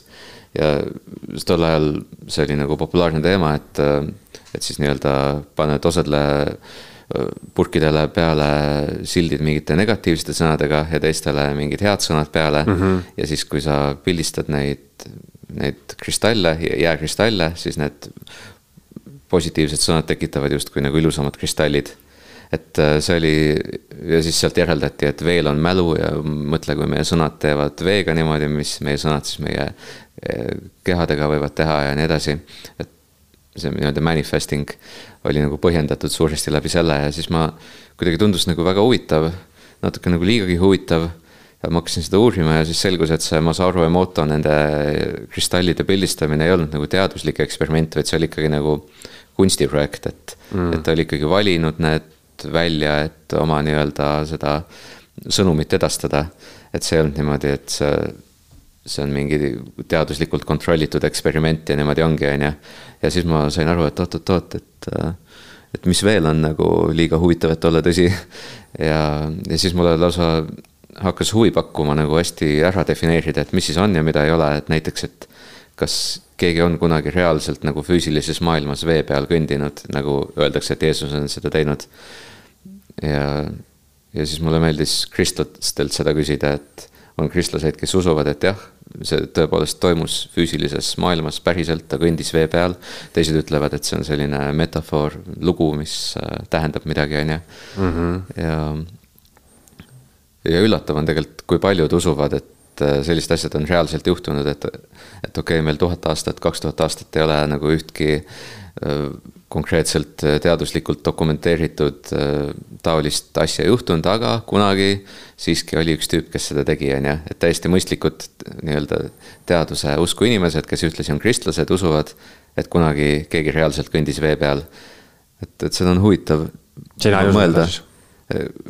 Ma arvan, et pigem mitte, miks ma peaksin seda uskuma mm, -hmm. et ähm, kõik, mis me teame maailmast, viitab sellele, et seda ei saanud juhtuda. et see on ikkagi lugu, nii et mulle tundub, et nagu vastavalt sellele, mida ma praegu tean, ma arvan, et pigem ta ei kõndinud vee peal.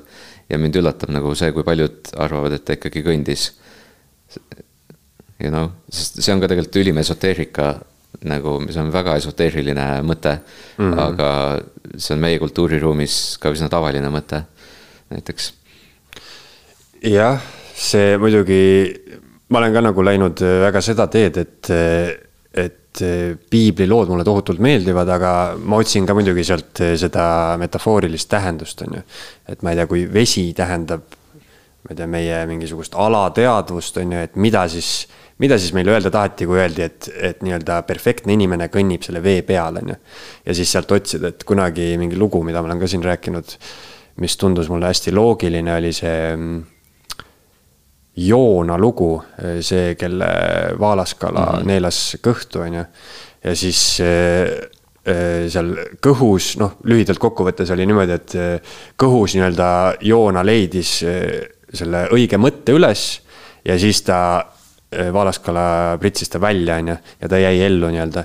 Ja siis äh, seda lugu võrreldi nii-öelda meie seedesüsteemiga, et mis sul kõhus toimub hmm. nii-öelda oluline eraldub ebaolulisest, ehk siis sitt hmm. tuleb välja, on ju, ja toitained lähevad su kehasse, ehk siis kasulik, on ju hmm. et äh, see nagu sihuke metafoori otsimine hmm., et miks ta oli just seal kala kõhus, on ju, ja hmm. siis ta leidis nii-öelda selle õige järelduse seal üles. ja ja see nagu tundus mulle, et ahah, et piibel on võib-olla nagu teisipidi nagu palju targem raamat, kui oskaks arvata, ainult et sealt mm. tuleb nagu see õige nii-öelda mõte mm. üles leida, et. ja, ja see on kindlasti ikka üsnagi tark raamat, et kõik mm. need lood, ma arvan, et kõikidel nendel lugudel on mingisugune sõnum ja sisu nagu olemas, et ja samamoodi nagu igasugustel äh, tohutult antiiksetel näiteks maalidel, mida paljud teavad, on ju, et mm. -hmm. et nendel on ka mingisugused noh, kui sa hakkad, sa võid ükskõik millise antiikse maali ette võtta ja siis panna Youtube'i selle ja sellest on mingi pooleteisttunnine dokk, mida see kõik, mida see tähendab, on ju, et mida see mm. -hmm. ma ei tea, see, mul ei tule nüüd see meelde, aga see ulatamine, see mm, -hmm. kus Jumal vist ulatab inimesele käe või ja kuidas sümbolid, et ja, Jeesus ja. on kala ja keegi pakub kala, see tähendab Jeesust ja, ja, ja valge tuvi ja kõik äh, asjad. kusjuures see on huvitav küsimus, mida ma olen ka mõelnud, ma ei ole vist viitsinud välja uurida, et. Et äh, mis tähtkujust siis Jeesus oli, sest Jeesuse sünnipäeva me tähistame jõuludel, on ju. ja jõuludel äh, on hamburid, aga aga öeldakse, et Jeesus oli kala hoopis tähtkujult, on ju, et kala sümbol on, on ju mm.. Eh, kristlaste sümbol ka, aga see kalad on hoopis märtsis, on ju. et kes ta siis tähtkujult oli? vot peaks välja uurima aga oot, ma lähen käin vetsus vahepeal, siis räägime edasi. siis hakkame rääkima tegelikult võime proovida vahepeal nagu täpib mingisse zone'i sisse. ja, ja siis läheb jah niimoodi, et ajataju hakkab kaduma. kusjuures kui sa rääkisid sellest aeg-ruumi teooriast, on ju, siis mingi asi, kus, kui ma olen proovinud näiteks psühhedeelseid kogemusi enda jaoks kokku võtta, et mis siis see on mm., mis teeb sellest tripist sihukese tripi, on ju siis enda jaoks ma olen kokku võtnud selle, et üks põhilisemaid faktoreid mida ma alati olen tajunud ja mis kuidagi lööb kõik, lööb mind trippi, on see, et ajataju lüüakse sul jalge alt ära. ja sa oled igapäevaelus nii harjunud enda nagu noh, niisuguse lineaarse ajatajuga kõike mõtestama, elama, sättima, ma teen praegu enne tegin seda, praegu teen seda. Järgnevaks ootab ees see, on ju, aga siis sellises seisundis nagu see ajataju lüüakse kuidagi sul isegi mitte täitsa alt, aga lüüakse nagu võbelema et eh, see kuidagi on sihuke paljude trippide justkui olemus, et kui ma tagantjärele mõtlen, et mis see siis oli, on ju. ja tripi ajal sa nagu ei saa täpselt aru, mis, mis aeg on või, või isegi nagu mõtled, et mis kell on ja siis tihtipeale vaatad kella ja ega sa täpselt aru ei saa, mida see tähendab, et kell on mingi seitse juba või. Pigem sa jah, orienteerud selle järgi, et kas läheb pimedaks, hakkab minema või, või siuksed teised mm -hmm. asjad nagu mm. -hmm. seda juhtub aga kui sa esoteerikasse ei usu, siis sa ilmselt ei tea ka enda tähtkuju, on ju? ei, ma tean muidugi ah., selles mõttes, et äh, jah, tähtkujud on kuidagi lapsepõlvest saati hästi huvitavat tundunud mm., samuti nagu Hiina aasta ja värki, et. ja, ja et mis ja. selle looma aastal sa oled sündinud. ja kuna ma selle juba lapsena teada sain, siis ma ei teagi, et kas äh, tähtkuju mõjutab mind või ma ise konstrueerisin oma selle isiksuse vastavalt sellele, et ma lapsepõlvest saati teadsin, et ma olen jäär, on ju. et, et siis ma käitun nagu jäär vot see ongi jah, see astroloogia üks osa, et, et nagu kumb ots see on, see on seesama madu asi, et kumb ots see on, kas see, et sa tead seda, et sa oled jäär ja võib-olla milline on jäär, on ju. kas see nagu teeb sind selliseks või sa oled selline ja siis see jäära nii-öelda kirjeldus vastab sellele. ja üks astroloogia küsimus on veel see, et kas mõjutab nagu see sünniaeg nagu aastaaja mõttes või mõjutavad reaalselt need tähtede, planeetide asukohad. et see on minu jaoks nagu huvitav, sest see on loogiline küll, et see, mis ajal sa sünnid, et kas sa oled üles kasvanud nagu niimoodi, et teatud muutused su teadvuses toimuvad nagu kevadel või sügisel, et see muudab, on ju, seal on vahe sees. et seda küll, on ju, mhm. aga, aga need planeedid on ju ja siis kogu see vastuolu selle ümber, et need süsteemid on tegeliku astronoomiaga veidike nihkesse läinud nagu aja jooksul ja ma ei tea, kui palju sa sellest tead. täpselt ei tea, ma tean, et vahepeal on mingi sihuke jutt ka, et mingi tähtkujudesse lisati mingi kolmeteistkümnes tähtkuju üldse, mis siis lööb kõik need, need numbrid natuke sassi. aga see noh, seal on vist mingi palju eri suundi et, et see ei ole vist see klassikaline suund, klassikaline mm. see, et mm., et on ikkagi seda kaksteist märki ja siis enam-vähem need vastavad kaheteistkümnele kuule, on ju. ja huvitav, et lõunapoolkeral ei ole üldse seda teemat eriti, seal on ju teistsugune taevas, on ju, et mm.. et, et huvitav, kuidas seal toimib, kas neile mõjuvad ka äh, lääne astroloogia, kas see kehtib ka neile? üks asi, millest ma olen aru saanud, et näiteks mustad inimesed on tohutud astroloogia fännid kõik. aga see on võib-olla mingi sihuke USA kultuuri teema nagu mm. -hmm aga, aga jah, see astroloogia on ka huvitav, ma ise kunagi, eh, kui ma esimest korda astroloogiast nagu kuulsin, ma olin siis, ma olin ühest pruudist lahku läinud ja siis ma nagu uurisin selle kohta ja vaatasin, et oo, olen küll ju mina, lugesin enda kohta ja, ja et pas-, mis, mis värk on, et kuidas nad teavad, on ju. aga siis ma natuke pettusin selles mingi hetk, sest ma hakkasin nagu teiste märkide kohta ka lugema. ja mulle tundus, et ma võiks nagu igast märgist, on ju, leida midagi, mis justkui nagu suvestub minuga, on ju. eks vist võiks jah, aga, aga samas tuleb nagu veidike au anda astroloogiale küll, et, et et mul on mitmeid nagu häid sõpru, kes üldiselt on üsna sellised mõistuse inimesed, aga aga siis neil on väga oluline just eriti inimeste mingi sobivuse koha pealt see, mis tähtkujus keegi on, et mm. aa ah, jaa, et hambur sobib sellega kokku mingi, et äh,. et ja, ma tean mitut inimest, kes nagu väga tõsiselt võtavad seda ja, ja see on huvitav, et see on, see on jah sihuke süsteem, et nüüd ma olen ta enda jaoks natuke taasavastanud, aga ma tahaks jah nagu, et see baseeruks mingisugusel nii-öelda kindlal tasapinnal, tahaks ikka mingeid fakte või midagi, on ju, mm. millele ma saan nagu toetuda, et see, kui kui öelda näiteks mulle, et, et sinu mingisugune, mis iganes, su neljandas majas on mingisugune jäär ja sind mõjutab see sellepärast sellises valdkonnas, no see läheb nagu liiga spetsiifiliseks minu jaoks, et eh, mul on raske seda juttu nagu tõsiselt võtta, sest seda juttu on hästi palju, seda võib ajada niimoodi ümber nurga, see võib olla hästi mm -hmm. sihuke üldine, on ju. ja siis enda jaoks ma olen selle tähtkujude süsteemi lihtsustanud ainult elementidesse ehk siis nelja elementi, et mis, eh, mis nagu maaelemendi märk sa oled, see sinna lahtrisse ma su panen. ja siis ma, mulle meeldib inimeste, inimeste karakterit võrrelda nii-öelda loodusega, et see vana hea näide on see, et kui sa oled näiteks õhumärk, on ju, siis tuulesuund võib päeva jooksul muutuda sada erinevat korda sa võid vaadata sinnapoole, sinnapoole, mis iganes, on ju. aga kui sa võtad näiteks maa, siis maa muutumine, et maa oma kuju muudaks. näiteks mingi laamadel põrkumine, kui tekib vulkaan või lahknemine mm, -hmm. see mhm. võtab tuhandeid, miljoneid aastaid, on ju. Mhm. ja siis ma nagu sellest loon inimese kohta, toon mingi paralleeli lihtsalt, et ahah mm, -hmm. õhumärk väga kiiresti võib sinu arvamust muuta, mis on mm -hmm. samas noh, ei ole head ega halba olemas, on ju. et sa oled hästi hea orienteeruja sihukeses ideemaailmas, kui sa oled maamärk, siis mm -hmm. no siis sa oled nagu mingis mõttes jälle väga jäärapäine, et sinu arvamust on väga-väga raske ja väga pikalt mm -hmm. läheb selleks aega, on ju. ja see lähtub ka kõik sünniajast jah, jah, jah, mhm. Et eh, ma olen jah lihtsalt enda jaoks selle nagu elementidesse ära lihtsustanud, et okay et siis on mul, siis mulle tundub, et seal nagu midagi on, et siukseid hästi siukseid üldiseid karakterijooni mm. ma võin näiteks mm. eeldada sinu kohta, kui sa ütled, et sa oled jäär, on ju mm.. et see on tulemärk, aga, aga noh, eeldada, et mis värvi sokid sulle meeldivad, see on nagu liiga, liiga spetsiifikasse läheb ära. no üldiselt ma olen alati proovinud ka olla nagu ebatavaline mm., et äh, et ma olen alati proovinud veidi mässata selle vastu, mis, mis ma justkui peaksin olema, et ühest küljest jah, ma tean, et ma olen jäär ja, ja nii, aga teisest küljest äh,.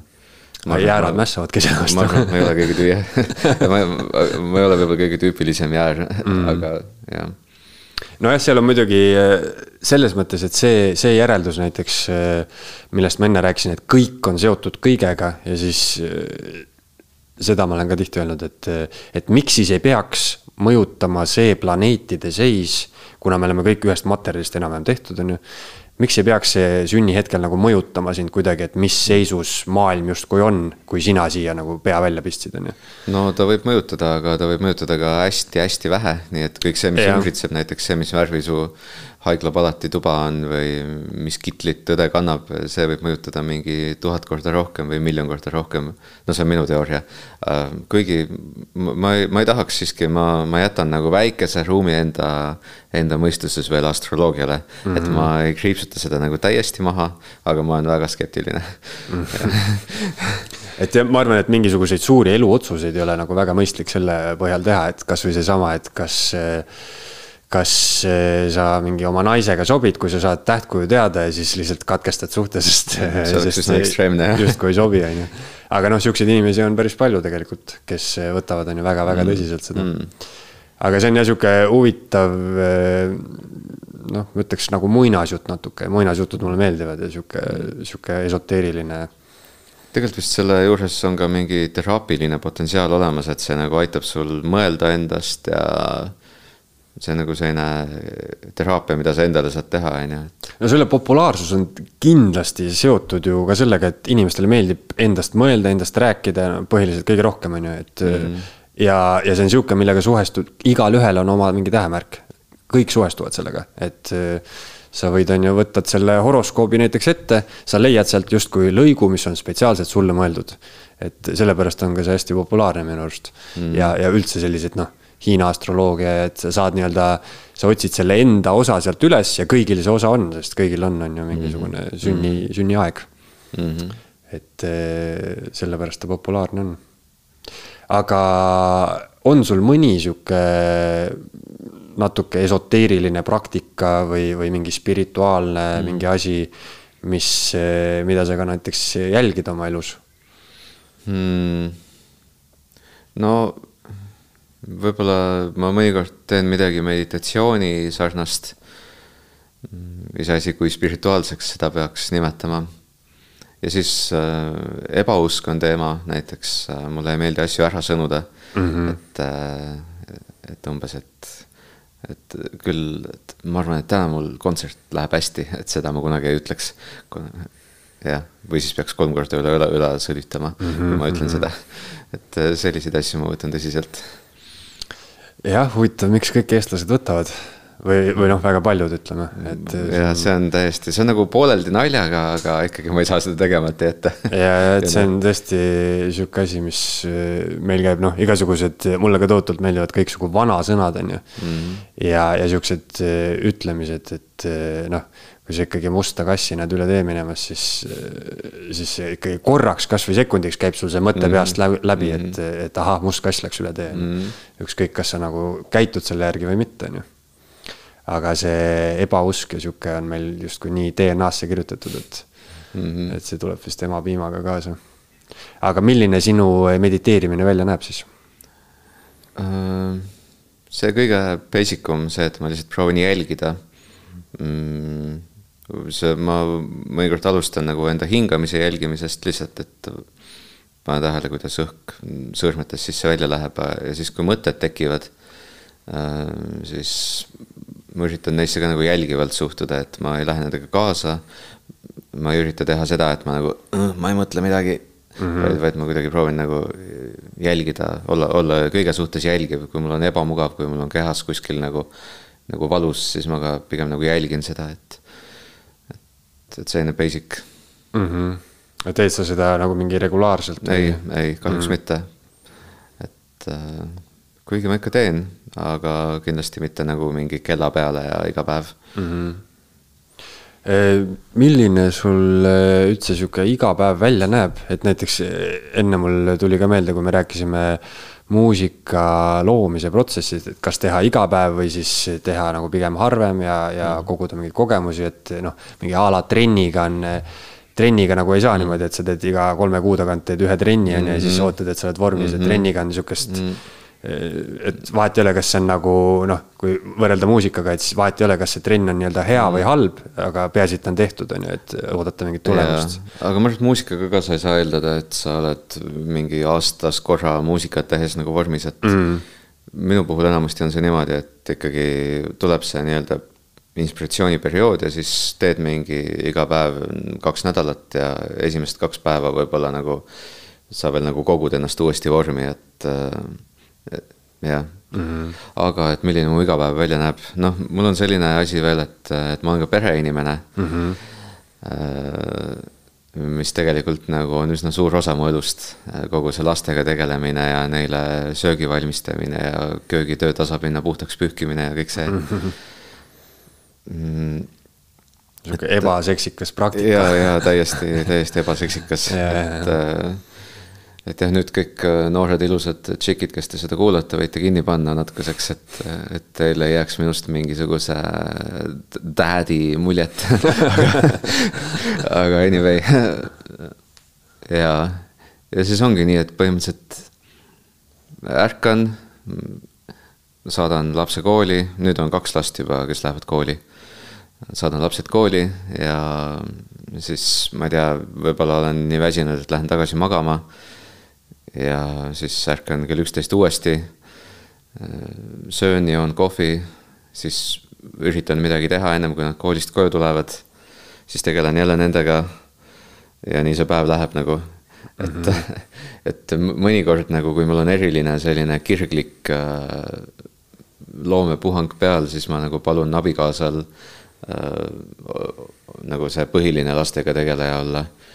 Eks natuke selline jobu tunne on küll, et jah, sorry, et mul on väga tähtis asi, et ma pean siin muusikas neid, mitte muusikas, ma pean nüüd siin stuudios neid äh, helisid tekitama, et ma ei saa praegu täna mitte midagi teha mm. -hmm. et, mhm. et natuke jobu on, tunne on niimoodi öelda, aga, aga vahel ma teen seda see on jah, selles mõttes eriti mingisugustel loomeinimestel on eh, kuidagi see kontrast on nagu hästi suur, nagu sa ütlesid ka, et köögi tasapinna puhastamine versus on ju mingisuguse, mingisuguse asja otsimine loominguliselt või mingi tähenduse või mingi eneseväljenduse otsimine, et need on kuidagi hästi-hästi kontrastsed nagu Mm -hmm. on see kuidagi muutunud ka sellest eh, näiteks laste, laste sündimisel või?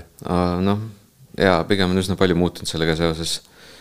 aga ma ei ütleks, et nagu negatiivses mõttes, vaid pigem ennem lapsi ma tegin ka muusikat ja aga suurimad läbimurded tegelikult tulid just siis, kui mul juba esimene laps oli aastane. et äh, Bambusest laev näiteks, see mu esimene suurem hitt, tuli just siis välja, kui mu esimene laps oli aastane mm. -hmm. et äh, võib-olla see on nagu see, et lapsed panevad sind elu nagu kuidagi, kuidagi reaalsus nagu tuleb kohale, et varem ma võin mõelda, et mul on nagu aega, maa ja ilm otsida seda perfektset vibe'i ja siis ma rohkem nagu katsetangi muusikas ka ja lihtsalt nagu teen seda ja teist ja jämmin ja ja otsin midagi, aga siis, kui sul on laps, siis sa nagu, aega on nii vähe ja, ja sa üritad nagu midagi ära teha, et, et oleks midagi valmis või. ma ei oska seda hästi seletada, aga jah, kuidagi lapsed on pannud mind nagu rohkem asju valmis tegema mm. -hmm, mm -hmm. See on ka mingi mõte, mida ma olen nüüd äh, viimaste aastate jooksul järjest rohkem mõelnud, et äh, no rääkides näiteks hittidest või asjadest, et äh, noh, kunagi ma ikkagi tulihingeliselt vihkasin kõike, mis oli hitt või mainstream või või noh, sihuke üldpopulaarne on ju. Mhm. aga nüüd ma olen õppinud ja seda rohkem hindama ja tihtipeale ma saangi aru, et, et tihtipeale on nii-öelda kommertslikult edukate artistide saladus on see, et nad teevadki asjad lõpuni ära, et nad teevad lihtsalt mingi asja valmis. ja see, see juba nagu töötab, on ju. Mm, ja, jah, et äh, on küll eks hittide seas on ka häid lugusid.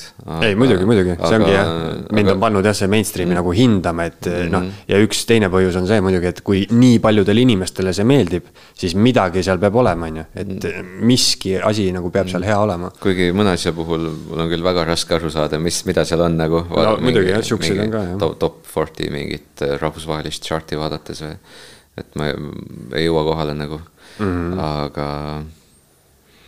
aga kas laste saamine, kas see kuidagi, kas see praktilisus jõuab, ma ei tea, mingisuguse finantsmõttes jõuab ka kohale, et nüüd sul on lihtsalt, sa pead nagu vastutama, noh. ise, ise jääd ikka ellu, on ju, aga siis sa pead nagu vastutama beebide eest, on ju. nagu ja, rahaliselt ka. jaa, kindlasti. kuigi noh, ma selles mõttes olen suht nagu nahaalne alati olnud, et äh, et tegelikult ma olin vist mingisugune kakskümmend kaks või kakskümmend kolm kui ma ikka veel ei olnud päevagi töötanud, vaid ainult nagu vanemate kulul elanud mm. -hmm. aga noh, sel ajal ma tegin nii palju psühhedeelikume, et, äh, et mu meelest oli see fine, ma tundsin, et nagu ma oma trip idega teen maailmale nii suure teene, et et, et see on täiesti fine, kui ma vanemate, vanemate kulul elan ja mm. -hmm. ja natuke on mul seda siiamaani, aga et, et otseselt ma ei ürita nagu rikkaks saada mm. -hmm või, või ma tahaksin, aga ma ei tea, kuidas, ma ei tea, kuidas, ma enamasti tuleme nagu napp-napilt äh,, napp-napilt ots otsaga kokku. et äh,, et erilisest majanduslikust kindlusest nagu ei saa rääkida. aga, aga mul on nagu suva sellest ka mm. -hmm ma mõtlengi, et, et võib-olla siit tuletada mingisugust sihukest mõtet, et võib-olla kui nagu esmapilgul tundub, et eh, laste saamine, sihuke praktiline tegevus võib-olla nagu tapab veits loomingulisust või sul ei ole nii palju aega keskenduda ja otsida mingeid sound'e ja asju, on ju, et siis et võib-olla veits sügavamal vaatlemisel tundubki, et võib-olla see hoopis jah, eh, tugevdab ja annab nagu hoo sellele sisse, sest sul ongi mingisugune mm. nagu kasvõi mingisugune surve taga, et sa pead midagi ära tegema, on ju. jah, ütleme, et esialgu muidugi ei olnud veel seda, et ma muusikaga nagu teeniksin midagi, et mm, -hmm. et võib-olla Bambusest laev oli mingisugune kaks aastat väljas olnud või aasta või mis ta, mis ta oli, kui tuli see Parmupilli hullus välja ja siis alles nagu alates Parmupilli hullusest tegelikult hakkasin ma muusikaga reaalselt nagu elatist teenima. et ennem seda ma ei kujutanud ettegi, et ma, et see võiks mul mingi sissetulekuallikas olla, ma tegin seda lihtsalt, sest mulle nii väga meeldis teha seda mm. -hmm aga kuidas üldse Eesti tänapäeva see muusika kui elatusallikas on, et see ilmselt põhiliselt on siis esinemistel käimine, on ju? jaa, esinemistel käimine. Äh, ütleme nii, et hästi mõnus töö on selles mõttes, et ma saan teha seda, mis mulle meeldib ja olen viimased seitse-kaheksa aastat nagu elanud sellega. kuigi tuleb täpsustada, et, äh, et mu korter jäi mulle nagu vanematelt. nii et selles mõttes olen ma ikkagi nagu veidike petukoodidega seda mängu mänginud, et mm -hmm. kui ma peaksin ise omale maksma korterilaenu või, või üüri, siis ma ei tea, kas ma saaksingi niimoodi hakkama. aga kuna korter on vanematelt, siis nagu kulusid on vähe ja on hakkama saanud enam-vähem. ja mina olen veel ju suhteliselt nagu alternatiivne artist, et ma kujutan ette, et kes on minust mingisugune äh, kolm korda, neli korda populaarsem, siis tal on üsna hea elu nagu. et ta võib endale võib-olla korteri ka osta siis? ja, ja, et äh, ma arvan küll mm. -hmm. see on jah, selles mõttes muusikana on ju laiv on niivõrd, äh, et isegi kui eestlasi on vähe, siis noh, peol me tahame kõik käia, on ju, mingit mussi mhm. kuulamas mm -hmm. kuskil, on ju. ja nii palju toimub igasuguseid väikseid pidusid, igal külal on oma mingisugune külapäev, kuhu on vaja esinejat ja, ja, ja noh, muidugi ausalt öeldes tihtipeale sinna tegelikult ei ole vaja esinejat, aga kuskil eelarves on selle jaoks raha olemas ja siis kutsutakse sinna keegi esinema. ja noh, hea ikka nimi panna plakatile mm -hmm. selle asemel, et lihtsalt, et tule, tule raadiomuusikat kuulama, siis ikkagi keegi on mhm. laval ja mängib midagi mm. -hmm. ja, ja tegelikult see, see live muusika on nagu hea asi, see mm -hmm. kuidagi ühendab inimesi, ma olen tähele pannud, et see, kui lihtsalt mingi playlist mängib, see ei tee sama, mis see, kui keegi nagu seal kohapeal loob midagi, see kuidagi ühendab. jah, jah, ja noh, see on isegi selles mõttes, et et noh, miks üldse kutsuda mingi baari nurka mingisugune DJ mängima, et see on ka nagu nõrgalt on seesama efekt, et sa võid ju panna playlist'i mängima täpselt neid samu lugusid, on ju, et mm. aga kui seal on nagu keegi noh, kui sa mm. näed, et seal on mingi inimene, kes nii-öelda tegeleb selle muusikaosaga, siis see on nagu veits sihuke kuidagi elavam jah, et see tekitab mm. nagu mingi mm, -hmm. mingi parema atmosfääri mm. -hmm ja kuigi ma ise olen mitu korda mõelnud, et okei okay,, kahju sellest DJ-st nagu, et mm, -hmm. et äh, aga. et kedagi ei koti nagu. jah, et kedagi ei koti ja, ja, ja tegelikult ei olegi nagu vaja, aga võib-olla kõik DJ-d ei ole ka nii head, et, et võib-olla, kes on väga hea DJ, ta leiab mingi asja, mis nagu sobib ka sinna, on ju, mhm, aga mhm. jah. jah, aga äh, kas siis, mul tekkis üks küsimus, et kas mingi täiesti teemaväline, aga mm. et kui sa ütlesid, et sul on mingis mõttes cheat code on olemas, et sul on kulud maas, on ju, kas sa näiteks, mis sa arvad sellisest asjast nagu see kodanikupalk või universaalne palk, et ütleme, kui meil kõikidel maailma inimestel oleks mingisugune raha, mis me neile anname mm., mis nii-öelda mm. annaks neile sihukese tavalise, noh, näiteks nad, kõigil oleks mingi elukoht olemas sellest või mm. mingi söögi pärast ei peaks muretsema, et mm. kas sa arvad, et siis meil oleks nagu maailm loomingulisem koht uh...? jah, mulle meeldiks, kui see oleks nii, ma majandusest ei tea eriti palju, ma ei tea, kas see on realistlik, kas see on võimalik mõned vist ütlevad, et on, on ju. no ma arvan, neid raha võime ju trükkida selles mõttes, et. nojah, et selleks peab arvatavasti lootma mingi ai edusammude peale või midagi taolist, on ju, et see mhm. toimiks tulevikus reaalselt, aga mul on isiklik kogemus, et lisaks sellele cheat code'ile, et mul korter on olemas, mul oli veel teine cheat code vahepeal, et et sai seda vabakutselise loovisiku loometoetust Äh, mis on nagu miinimumpalk, aga see on iga kuu ja sotsiaalmaksud on ka makstud, nii et sul on nagu palk olemas mm. -hmm. ja siis mul oli selline periood, kus äh, koroona oli just alanud ja, ja esinemisi ei olnud ja. ja siis võiks arvata, et kui nagu sissetulekud ära kaovad, et siis sa hakkad hullult tõmblema, et nagu midagi teha, et kuidagi hakkama saada, aga. aga mina vastupidi, hakkasin kohe nagu äh, mingeid arvutimänge mängima ja tegema mingeid eriti mõttetuid asju nagu aga siis kohe, kui ma sain selle vabakutselise loovisiku loometoetuse, siis mul oli jälle nagu tegutsemis äh, nagu jõud sees. et siis ma hakkasin kohe jälle muusikat tegema. et, et minu jaoks see toimis jah nii, et kui mul oli see mingisugune basic sissetulek olemas, siis mul oli nagu jõudu, et tegeleda selle asjaga mm.. aga, aga kui seda ei olnud, siis oli lihtsalt tahtmine luuserdada veel rohkem nagu mm. -hmm. No siis sa mingis mõttes oled vastupidine sellele, selle kodanikupalga nagu kriitikale, et ja, ala, et, et kui anda inimestele mingi baasraha kätte, et mm. siis keegi ei viitsi midagi teha, on ju. et milleks. see, see tundub loogiline, aga minu puhul nagu oli vastupidi millegipärast mm, -hmm. ma ei tea. jah, see tundub jah selles mõttes, et tundub tõesti vastupidi loogiline, et kui täiskõhuga sul on nagu palju raskem midagi teha kui tühja kõhuga. et eh, see tühi kõht on noh, juba evolutsiooniliselt sa oled tühja mm -hmm. kõhuga, sa lihtsalt pead olema nagu ärksam ja oledki sihuke kergelt paranoilisem ja tõmble mm, -hmm. tõmbled rohkem ja.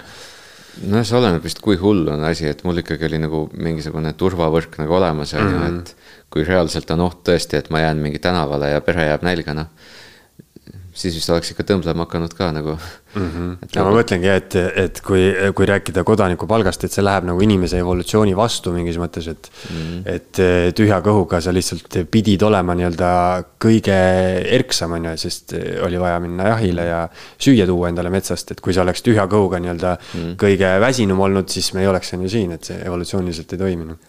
tõsi, aga äkki on nii, et evolutsioonilised asjad üldse on veidike kahtlased tänapäeval, kuna meil on nii palju selliseid tehislikke variante.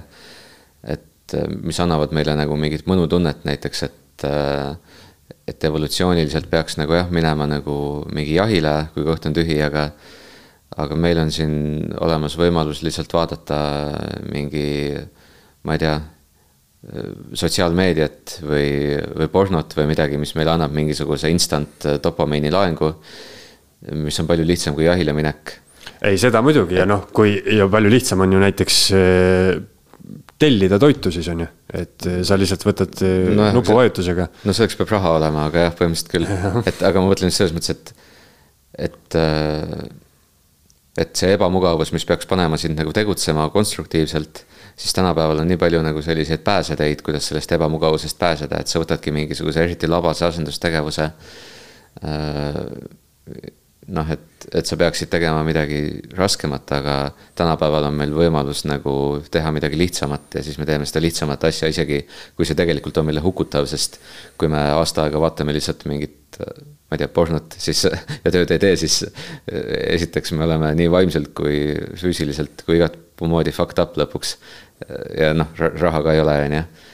et aga meie nagu see bioloogiline keha ei tea seda ja ta arvab, et, et see on hea nagu mm. -hmm et, et.... no see ongi see, mulle tundub see meie aja nii-öelda ahvatluste džungel, et kõik on niivõrd, see dopamiini litakas on nii lähedal, on ju, see on alati sul telefonis taskus, on see porno või TikTok või mis iganes, on ju.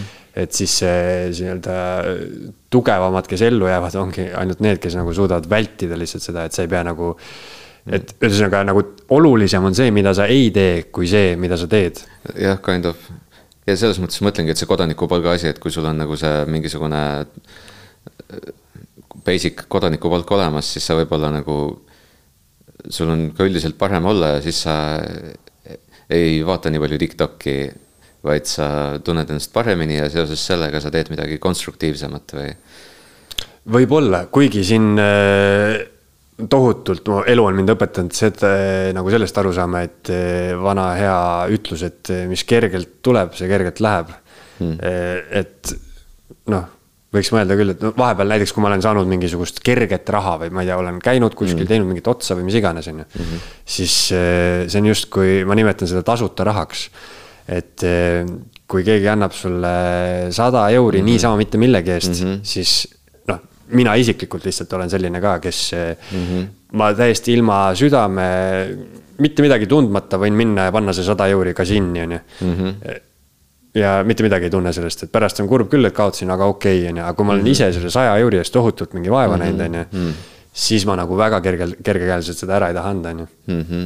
et, et lihtsalt ja see elureegel, et mis kergelt tuleb, see kergelt läheb, on mul kuidagi nagu hästi selgeks saanud mm. -hmm. nojah, võib-olla Äh, ma ei ole väga kursis, et ma ei tea, kas sa tead, kas on tehtud ju mingeid eksperimente, et mis need näitavad selle kohta? kindlasti on, aga ma ka ei tea, jah. peaks uurima. jah, selle, selle kergelt kättesaamise asjaga, no näiteks koroona ajal oli mul toidu tellimisega, ma läksin nagu täiesti hulluks sellega, et mm. aasta lõpus ma lõin kokku mingi, mis tuhandeid ma sinna toidu tellimise alla panin, on ju. et ma nagu üldse ei viitsinud enam kuskil käia ja, ja nüüd ma olen siis, et nii-öelda natuke ärgitada endas evolutsioonilist inimest, siis ma käin hästi kaugel vahepeal poes, et ma kõnnin mingi mm. kesklinnast, kõnnin lihtsalt Kristiinesse poodi mm.. et, et lihtsalt saada natuke seda mm. efekti, et sa pead eh, nii-öelda mm. ja siis ostan terve seljakoti toitu täis ja siis kõn, mm. kõmbin tagasi ja olen nagu täiesti läbi pärast mm.. et saada veits seda efekti, et sa pead mm. nagu toidu järel on ju, võiks olla raske käia. lahe aga see on ju sihuke hästi mingi moodsas maailmas mingi orienteerumine, kuidas nagu tunda, et sa oled nii-öelda selle õhtusöögi ära teeninud mm. -hmm. ilma, et, ilma, et sa mhm. lihtsalt võtad telefoni ja sulle tuuakse see ukse taha, on ju. no jah, jah, ma olen ka viimase aasta jooksul aru saanud sellest, äh, et nagu inimene on loodud liikuma. et on hakanud nagu veidike mingit trenni tegema et, et varem ma mitte kunagi nagu ei teinud mingit trenni ega mitte midagi, lihtsalt mm. mingisugune seitsme aasta jooksul mingi kõige suurem trenn võis olla see, et ma jooksen mingi sada meetrit bussi peale. et äh, ja, ja, ja nüüd ma tunnen päris palju paremini ennast seoses sellega, et ma hakkasin nagu trenni tegema. aga mis trenni sa teed uh,? peamiselt uh, mingit uh, raskuste liigutamisega seotud asja nagu jah, nagu põhimõtteliselt mingit jõusaali asja mm, -hmm. aga, aga, ma ei käi nagu päris äh, nagu jõusaalis või nii mm, -hmm. jah mm -hmm jah, see on ka mingi point, mis, mida vanemaks inimene saab, seda rohkem aru saab ja siis ongi mingi. no sellest räägitakse ka muidugi hästi palju, on ju, et ühte, ühtepidi tundub, et, et kõik räägivad fitness'ist ja trennist ja, ja tervisest ja asjast, et jube hea on ju, et kõik võiks nagu liikuda ja teisipidi on äh, mingisugused, vaatad lapsi, need on mingid täiesti pallid ja mingi üle söönud ennast ja, ja nagu hästi mingid äärmuslikud variandid on minu arust et.... no mõned on, mitte kõik. jah, aga ma mõtlen jah, et mingi, mis USA-s räägitakse mm., et ma ei tea, mitu protsenti mm. ühiskonnast on mitte lihtsalt ülekaalulised, vaid mingi ohtlikult ülekaalulised mm.. no need... see on suht fucked up jah ja, ja. Enda ja oma lähedaste lapsi vaadates ma näen küll, et nad noh, jooksevad ikka üsna palju ringi ja ja noh, võrreldes täiskasvanud inimesega ikka liiguvad väga palju mm. -hmm. et äh, ja praegu mõtlen, et nii veider, kuidas äh, õnnestus endal ikka täiesti nagu liikumatuks jääda nii paljudeks aastateks ja, ja ikka veel ellu jääda ka sealjuures mm. -hmm. aga jah, see on äh, see mingi loll klišeeline lause, et terves kehas terve vaim ja see peab nii paika, et lihtsalt liikumine ei ole ainult see, et sa nagu äh, kuidagi füüsiliselt ennast hästi tunned, vaid lihtsalt sul mõte ka nagu ikkagi veits kuidagi lõikab teravamalt, mulle tundub. jah, või suudab teha asju ja on mingi rahulolu ja värgid mm -hmm. nagu, kuigi mul, mul on üks selline vastuoluline mõte ka seoses igasuguse trenni tegemisega, et äh, et ma ei ole päris kindel, kas see loomeinimesele, loomingule nagu on väga kasulik. kui sa nagu tõesti nagu muutud nagu juba entusiastlikuks nagu trenni suhtes sest see võtab nagu tähelepanu ära natukene sellelt äh, nii-öelda loomelt, mille suhtes sa muidu peaksid nagu entusiastlik olema. ja peale seda, kui sa oled nagu teinud ühe korraliku trenni, siis nagu ei ole seda tunnet, et, et hakkaks mingi tegema midagi hästi peent oma sõrmeotstega mm. nagu, et. kusjuures see on, see on üks mõte, millest ma alles hiljuti sain teadlikuks, ma rääkisin ühe arstiga juttu tegime sigarit ja ajasime juttu ja siis ta rääkis mulle seda, kuidas ta, kuidas ta oli nooruspõlves, oli eh, sihuke, kirjutas luuletusi, eh, nii-öelda mõtles mingisuguseid, tajus eh, siukseid peeneid seoseid, kirjutas väga hästi kirjandeid, noh, võib öelda, et oli sihuke loomingulisuse, loomingulisusesse kalduv noor, nooruk, on ju. Mhm. ja siis hakkas käima jõusaalis ja, ja see stereotüüp, et jõusaalis on ainult mingid põmmpead koos, on ju. ta ütles, et lihtsalt see, et sul hakkab testosteroon hakkab kehas möllama, see nagu soosib eh, loogilist ja ratsionaalset mõtlemist ja ta ütleski, et tal mm. kirjandi hinne nagu reaalselt langes. ja, ja enam ei tekkinud siukseid eh, huvitavaid ideid pähe kogu aeg ja, ja noh, oligi mm. see, et noh, põhimõtteliselt hakkas rääkima ainult nagu lõuga panemisest ja keppimisest, on ju et, et see on nagu täiesti isegi seos, ma ei olnud ise kunagi selle peale mõelnud, et ma ise mingi noh, hästi mingi oma pro science'i pealt ütleks, et. et igasugune trenni tegemine nagu paneb sul kõik mahlad nagu just rohkem jooksma, on ju. aga võib-olla siis seal on jah, see, see tõepõhi taga. ma arvan, et mingi tasakaal tuleb leida, et kui sa mingi kaks-kolm korda nädalas teed mingi tund aega trennis, pole hullu, aga nagu mm. kui, kui sa oled nagu, kui gym on su life nagu, siis siis ma ei ole veel näinud nagu mingit loomeinimest, kes suudaks nagu need kaks maailma kokku panna. et võite mulle kirjutada, kui te teate kedagi. võib-olla Arnold Schwarzenegger on ainuke hea näide mm. -hmm. mõned, mõned, mul tuli praegu see, see tüüp meelde, kes kirjutas Fight Clubi oh.. Chuck Palahniuk vist oli ta mm.. see tüüp peaks olema ka mingi sihuke jõusaali hunt ja mm., ja okay. kirjanik on ju. see annab, see annab lootust et mõned vist, mõned vist nagu suudavad seda, aga mingis mõttes ja loogiline, et ma hakkasin siis, kui me selle arstiga rääkisime, siis siis ma hakkasin ise mõtlema, et mina küll ei hakanud jõusaalis käima, kui ma sain eh, teismeliseks nii-öelda, aga kui ma läksin gümnaasiumisse, siis mulle jubedalt hakkas meeldima matemaatika. ja noh, varem ma olin ka tohutu kirjandusinimene mm -hmm. sihuke rohkem, on ju. Mhm. aga mulle hakkas nagu mate hullult meeldima, et võib-olla siis nagu naturaalselt jah mm -hmm., mingi testosteroon soosib nagu mingisugust eh, loogilist mõtlemist ja seega ka loogilisi, võib-olla ratsionaalseid nagu alasid rohkem kui, kui mingit eh, loomingulisust. aga ei tea mm -hmm. täpselt mm. -hmm kuule, aga tõmbame kokku ka mm. -hmm. ütle, Jaan, kust saab sinu muusikat kuulata, kust saab sind jälgida ja äkki sul tuleb ka mõni esinemine, kuhu võiks minna? mis ajal see eetris võib olla? ma panen selle üles järgmise nädala alguses kohe, ehk siis mingi kolme-nelja päeva pärast. aa mm,, ühesõnaga mu muusikat saab kuulata Spotify'st ja ka igalt poolt mujalt, nagu see tänapäeval käib, on ju. Ja kindlasti soovitan tulla ka laivis mind kuulama, sest see on hoopis teistmoodi kui see, mis on üleval. ja laividest ma annan teada oma Instagramis ja Facebookis mm järgmine live tuleb mul üheksandal septembril Tartus, mis saab olema üsna raju tehnoküte vist. ja mhm. kaheksandal mm -hmm. septembril ma tegelikult esinen ka Põlvas. Äh, jah.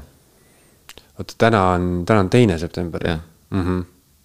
Nojah, siis veel jõuab sinna, äh, kui see saade üles keegi jõuab ikka. jah, jah kuule, aga suur tänu, et mm, tulid ja, ja juttu ajasid. kuule, oli lahe, et ma alguses olin veidi skeptiline, on ju, et et äh, aga. et esoteerik ikka. jah, jah, jah, aga mulle meeldis, et me läksime vahepeal nagu sinna väga abstraktsete teemade juurde ja mulle meeldis sellest rääkida sinuga.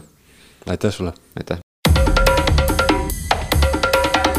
Eesti Esu